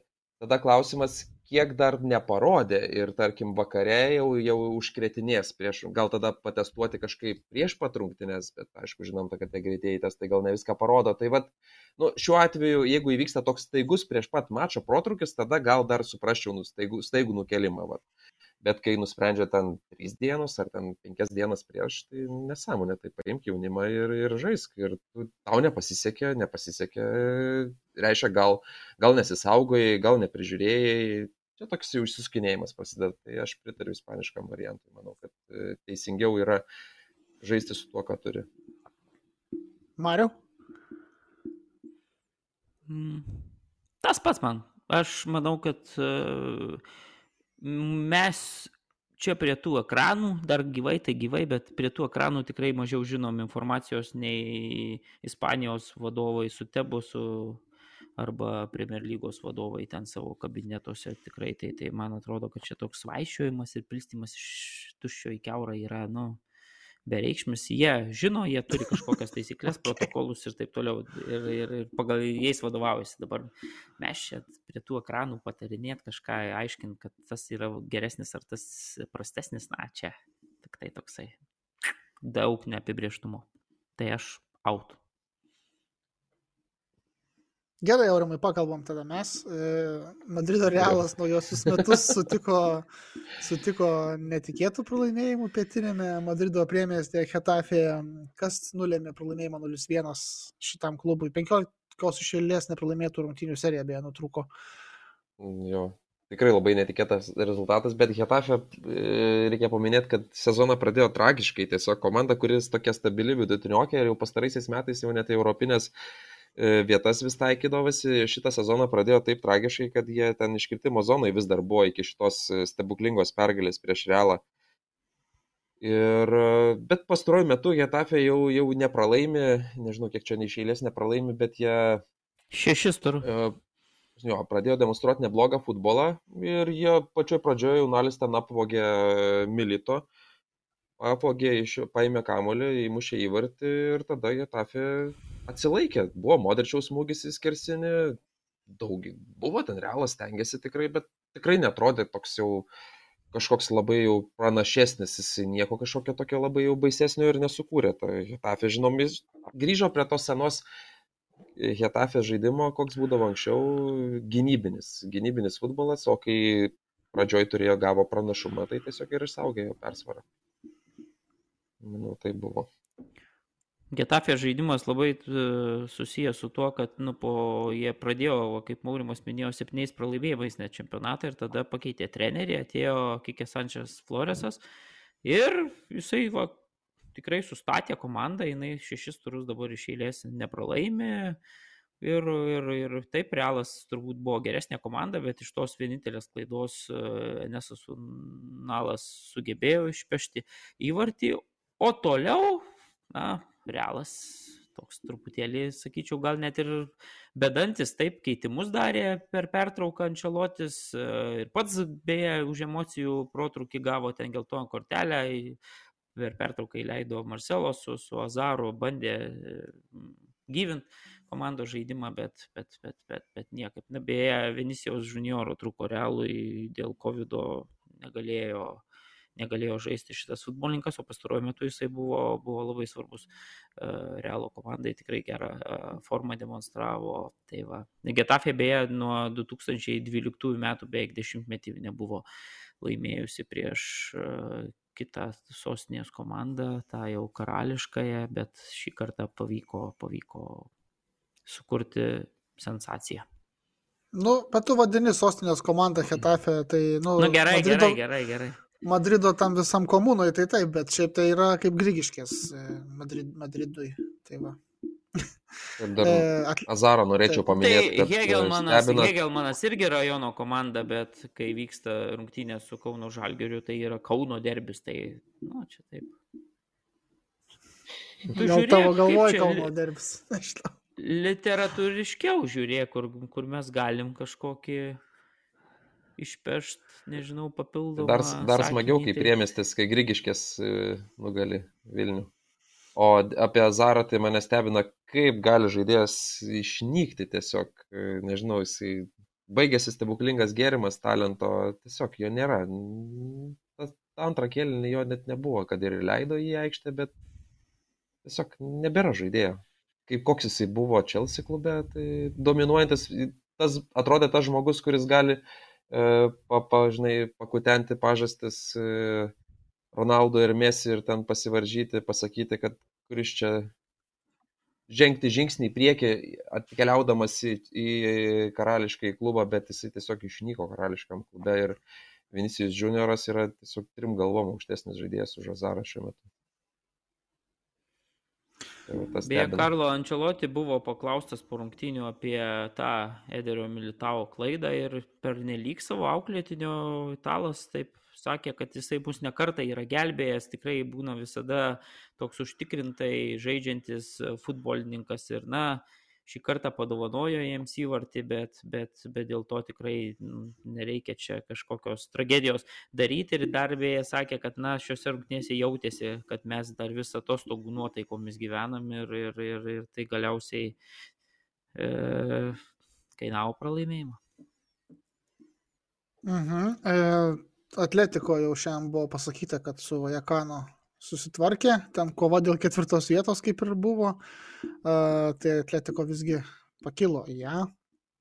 E, o Barsos pergalė, taip, taip, Aurimai, nori kažką pasakyti. Tai reikia Atletiko pagirti, nes mes juos šiek tiek tarkavom, tai nu, sužaidė skirtingai nei realas, tai jie grįžo po atostogų, turbūt ten ne po atostogų, o po treniruočių koncentracijos stovyklos, nes nu, atrodė šį kartą tikrai įspūdingai Atletiko ir tikrai dominavo tose rungtynėse ir, ir, ir jų, jų mačas buvo ir įdomu dabar, kaip atrodys antra sezono pusė, nes jeigu jie išlaikys tokį žaidimą, kokį ir turėjo demonstruoti nuo sezono pradžios, tai bus įdomu. Jo, aš Mhm. visiškai pritariu Aurimui, nes, nes ir, ir e, progų žymiai daugiau turėjo ir vien Suarėsas kiek, kiek nesugebėjo ten įmušti, kas jam tikrai nėra būdinga, bet tokiu buvo pabėgęs prieš Liuką Zidaną, beje, Zidano senio e, sūnų vartuose yra Valekano ir, ir tikrai nu, turėjo daug progų, jau galėjo ir anksčiau įmušti, bet, bet nesugebėjo įmušti, tada Abu du įvarčius, kaip jau minėjau, podcast'o pradžioje įmušė Ankelis Korė, pirmą, pirmą šiaip tokį po labai gero Karasko praėjimo palei galinį liniją, tada antras įvartis buvo po, po Renano Lodi perdavimo, bet šiaip vienareikšmiškai geresnė komanda buvo, beje, po keitimo į aikštę išėjo Radumelis Falkavo, buvęs Atletiko sirgalių numylėtinis, dabar kolumbietis Vilki Ravo Valekano marškinėlius, tai toks buvo truputėlį emocinis būstas. Ir dar įdomus dalykas yra tai, kad Simeonės komanda buvo pralaimėjusi tris rungtynės iš eilės ir tai buvo toks ilgiausias, ilgiausia pralaimėjimų atkarpa nuo pat to laiko, kai Simeonė 11 metais perėmė komandos vairą, tai, tai nutrūko ta serija, buvo pralaimėta Mallorca, Sevijai ir Granadai turbūt. Ir vat, galiausiai nutrūko ta pralaimimų serija ir, ir, ir iki šių metų buvo tik tai du kartus daugiausiai iš eilės pralaimėjęs argentinietis su savo šio komanda. Bet nuostabios rungtynės, labai gerą formą demonstravo atletikų. Ok, ir Barsos pergalę išvyko prieš Majorką reiktų paminėti, 1-0. Ta pergalė nulėmė vienintelis tikslus, ne ko nors kito, o Liuko Dejongo tikslus smūgis. Čiavi po rungtynių pergalę pavadino istorinę ir pabrėžė, kad neperdeda dėl to, kad tikrai, kaip jau sakiau, trūko 14 net žaidėjų svečiams šiuose rungtynėse ir dėl COVID, ir dėl traumų. Aišku, Terštegino stebuklas rungtynių pabaigoje, tik jis ir išgelbėjo nuo dar vieno nuvilinčių lygiųjų, sakykime, tai Barcelona, ar ne? Nes ten jau nu, mirtis ten buvo, ne, atrodė, kad visiškai įvartis mm. ir tiek, bet aurimai. Taip, taip, ten Terštegenas kažkokį išsitraukė, nežinau, zuikį iš skribelės. Ir ten smūgis ėjo toks, nu, tikrai ne, nepas, ne, neparidenimas kamulio. Tai, nu, aišku, pasisekė gal, kad tos rankos nereikėjo kelt, leist žemyn, kad tiesiai ranką gal pataikė, bet, nu, vis tiek įspūdingai atrodė. Vartininkas padarė tą savo figūrą, jisai atsistojo, užėmė kiek gali, galima daugiau ploto ir, nu, tikrai ten stebuklingai išgelbėjo. Barcelonos komanda, o Luka Dejanga irgi mūsų nesikį aptarta kaip nelabai kokį polėją reikėtų pagirti, nes šitos rungtynėse atrodė kaip geriausias Barcelonos žaidėjas galbūt. Tiesiog kaip bombardyrius atrodė, jis bombardavo, vieną kartą į virpstą pataikė, antrą kartą ten tokį pusiau žirklėmis smūgiuodamas rytis, beje, liepia mums paminėti šitą epizodą ir atkreipti, išanalizuoti ir, ir ir nepraleisti pro akis, tai muždamas pusiau žirklėmis ten įspūdingai sudrebino skersinę. Jeigu būtų, jeigu būtų įmušęs, turbūt būtų teisėjas nutraukęs rungtynės tiesiog, kad yra gražus įvartis. Aš juokauju, bet uh, galiausiai įmušė paprastesnį galvą, kai savo įprasta vartininkas išbėgo kažkur alaus ar kažko ir, ir į vartus tuščius teko tiesiog pasiūsti kamuolį. Bet, o, bet Barcelono žaidimas jis toks, nu, neįtikina, kad Čavis atėjo, jis bando ten tą kamulio kontrolę, kontroliuoti rungtynės, bet ne, Barsa vis tiek, e, ten tikrai pasisekė, kad jinai, kad laimėjo tas rungtynės, nes e, galėjo Maliorka nesikį išlyginti rezultatą. Ir šiaip rungtynio e, pabaigoje jau tokių epizodų buvo, kai tempė laiką Barcelona, jau ten ir Terstegenas gulėjo ir, ir dar ten, nu, tokių tikrai, atrodo, tu nežinau, žaidė, aišku, be 14 tų žaidėjų, žaidė su svečiuose, persvara trapi, bet, bet, bet rungtynės Laosui, beje, vienas geriausių Ispanijos teisėjų teisėjavo, bet jam labai buvo sunkios dėl, dėl tų visų Mallorca pyksta ten už tuos visus e, griuvinėjimus ir gulinėjimus. E, Barcelona saugoja tą persvarą, bet galiausiai išsaugojo pergalę, svarbi pergalė. Tai Tai tie. Mario, kaip tu galvoji, ar ištrauks Barsą, užbaigs sezoną ketvirtukė? Ką aš žinau, kiek, nežinau, kiek taškiukų iki... iki gal Vienas taškas iki ketvirtos vietos. Ai, tai aišku, užbaig. Tai baigs, tai aš kažkaip vis tiek manau, kad ilgalaikiai, ilgalaikiai perspektyvoje, nu man atrodo vis tiek, žinai, talento ta komanda vis tiek, vat, su tais vidutiniokais turi, turi daugiau ten, taip, dabar traumų, viruso situacija ir taip toliau, bet, bet man atrodo, idealiame pasaulyje vis tiek jie yra stipresni. Jie, žinai, nu, gali taškus prarasti, bet, bet su visais tais vidutiniokais jie vis tiek žais pirmų numerių ir, ir tokie labiau dominuojantis. Tai tik tai klausimas, ar, ar tuos taškus pasiims ar ne. Ta, nebus taip, kad jie ten išeis žais su lentelės irgi kaimynų, kurio nors ten penktą ar šeštą vietą užimančią komandą ir jie ten atsigininės. Nu ne, taip nebus, jie vis tiek, manau, kad bus e, neprastesnė gal taip komanda. Tai Real Betis jiems čia dabar padeda pastaruoju metu, nes du mačius iš eilės pralaimėjo, trečią vietą užimantis. Tai e, dar norėčiau dėl Barcelonas paminėti, tai transferų rinka, ką jie ten daro. Komanda, kuri, klubas, kuris turi milijardą skolų, perka Ferraną Torresą už 55 milijonus dabar. Nežinau, man atrodo, Sitis trina, dėl, trina rankomis dėl šito sandorio, nes nu, toks žaidėjas, nu kaip ir turi to potencialo, bet ar dabar komandai, kuri tokioj tikrai sudėtingai finansiniai situacijai reikėtų taip iki šituo žaidėju, kad iš čia kažką pakeis, O kitas variantas, kurio labai jau Šavis nori irgi nuo žiniasklaidos, tai Alvaro Morata. Nežinau, nežinau, man ten išsilaižykit, pirmiausia, tai išsiparduokit tuos savo žaidėjus, kuriuos ten turite, kurių niekam nereikia ir kur algos ten milžiniškos, o nepirkit dar ant viršaus žmonių. Tai čia man nepatinka. Aš norėjau dėl Alvaro Moratos pasakyti, išplėsti, kad gali įsikeltis iš Juventuso į Barsą, bet tam reikia, kad Turino klubas rastų, pakaitalą jam, o jo gali tapti neva e, Mauro Ikardė iš PSG.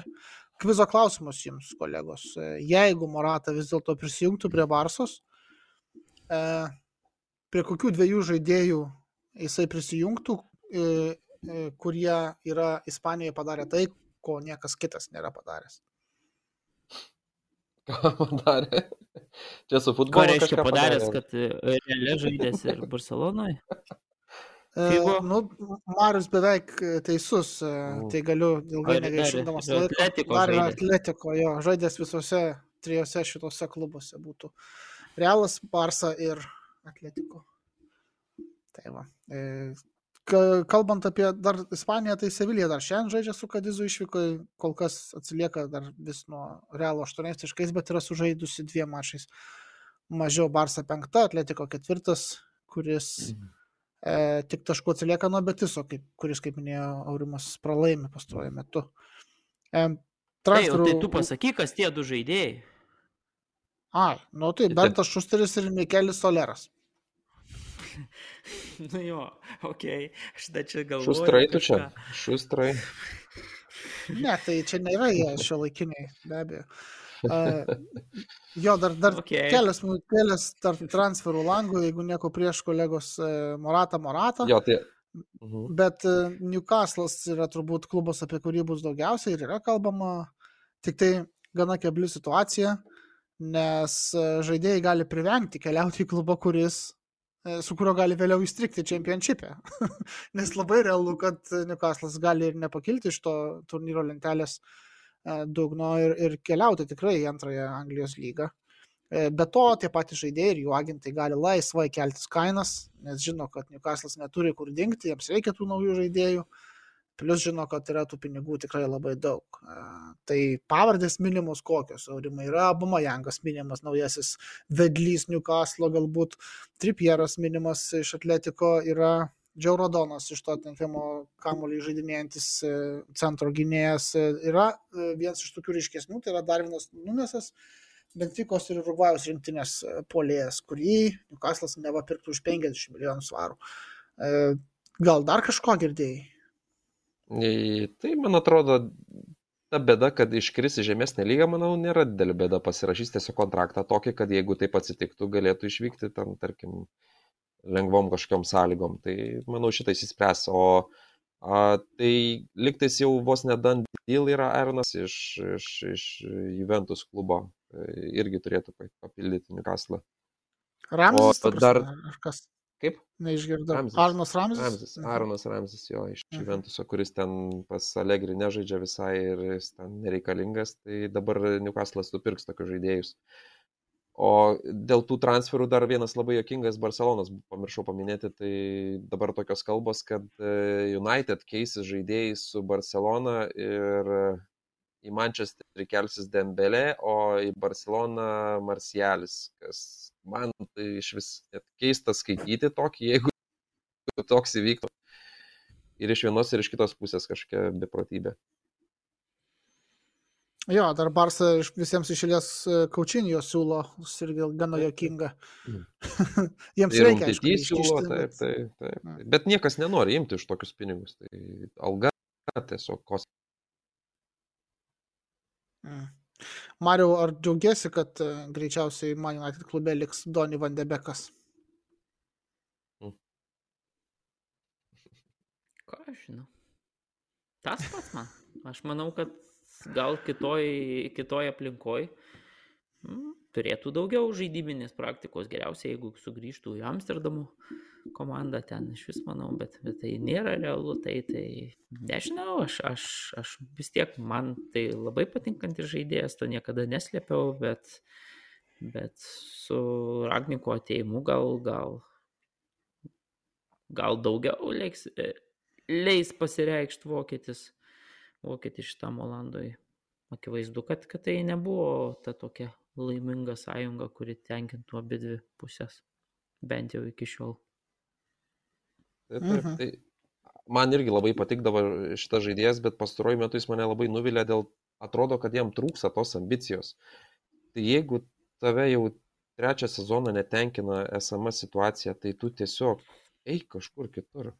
Rodi kažkokį norą žaisti. Atrodo dabar sėdi ir, ir jam viskas gerai. Tas pats Lingardas, jis išeina kažkur nuomos pagrindais, kažkur pusę sezono parodo, kad yra nu, topinis žaidėjas, tarkim, nors ir nelabai man patinka jo charakteris ar dar kažką, bet nu, tikrai pusę metų jis atrodė kaip, kaip ir tas anglų mesis, kurio yra pravardžiuojamas. O, o Vandebekas, jam patinka tas Team Viewer e, marškinėlių, tas užrašas, kad jisai sėdi ir stebi komandą. Tai, jam smagu taip leisti laiką turbūt.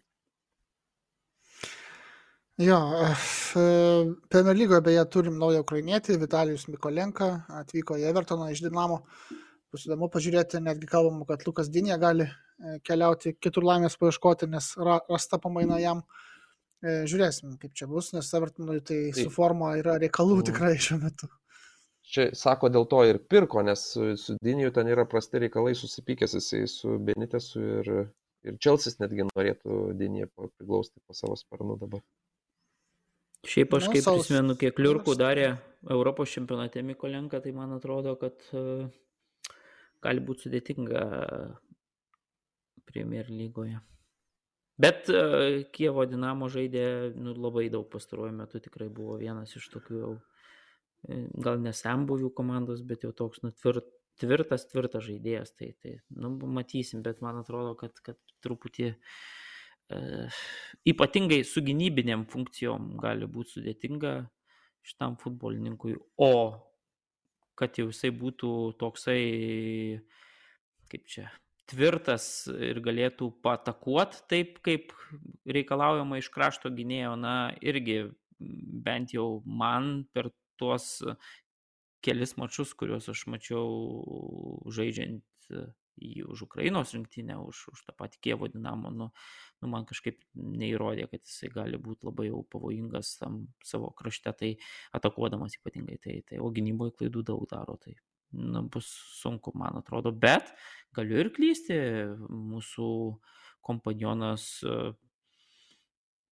Rytis su Denzeliu Domfrisu irgi stipriai klydo, kai, kai šis persikėlė į Milano Interą. Tai gal suklysiu ir aš. Gerai, kolegos, e, futbolas e, po truputėlį sugrįžta, ne tik tai Anglijoje ir Ispanijoje. Tarkime, penktadienį jau ir Bairnas su Menken Gladbachu, ar ne? E, Ten turėtų būti daug įvarčių, manau, šeimininkų sąskaitoje, žinant pastarųjų O. savaičių tendencijas. Nu, bet paskutinis tarpusavio mačas buvo į kitą pusę daug įvarčių. Na taip, taip, tai čia jau jūsų nuožiūra, ką jūs norite matyti ir spėlioti, jeigu norite. Tai pasižiūrėkit, Italijoje irgi grįžta futbolas, e, bus ir Juventuso Napolio mačas, e, ar Napolio Juventuso mačas ketvirtadienį, tuomet tas pats Juventusas savaitgalį su Romo sužais, e, čia toksai labiau draskimasis dėl ketvirtos vietos turbūt, nes priekyje Milano klubai sėkmingai žygiuoja. E, Ispanijoje Realas pralaimėjęs ką tik su Valencija rungtyniaus namuose. E, Anglijoje dabar vyks taurių, e, kaip sakyti, Fortnite'as dvi, dvi, dvi savaitės tokios bus ir lygos taurės e, mačams pusfinalio ir savaitgalį ateinantį FA taurė. Tai čempionatas sugrįžti tik tais po dviejų savaičių, kada lauks ir Šiaurės Londono derbis labai svarbus ir kitos rungtynės. E, Ką nors dar galite pridurti, jeigu norit, ir tada atsisveikinam. atsisveikinam. Manau, panašu, e, Marius Bagdonas ir Aurimas Tamulionis su manim gintaru šiandien bendravo su jumis nuotoliniu būdu. Tikėkime, kitą savaitę sėkmingai grįšime į studiją. E, o dabar sakome iki ir geros savaitės. Ačiū, iki. 7bet Lažybos, lošimo automatai, kortų lošimai, ruletė. 7bet dalyvavimas azartiniuose lošimuose gali sukelti priklausomybę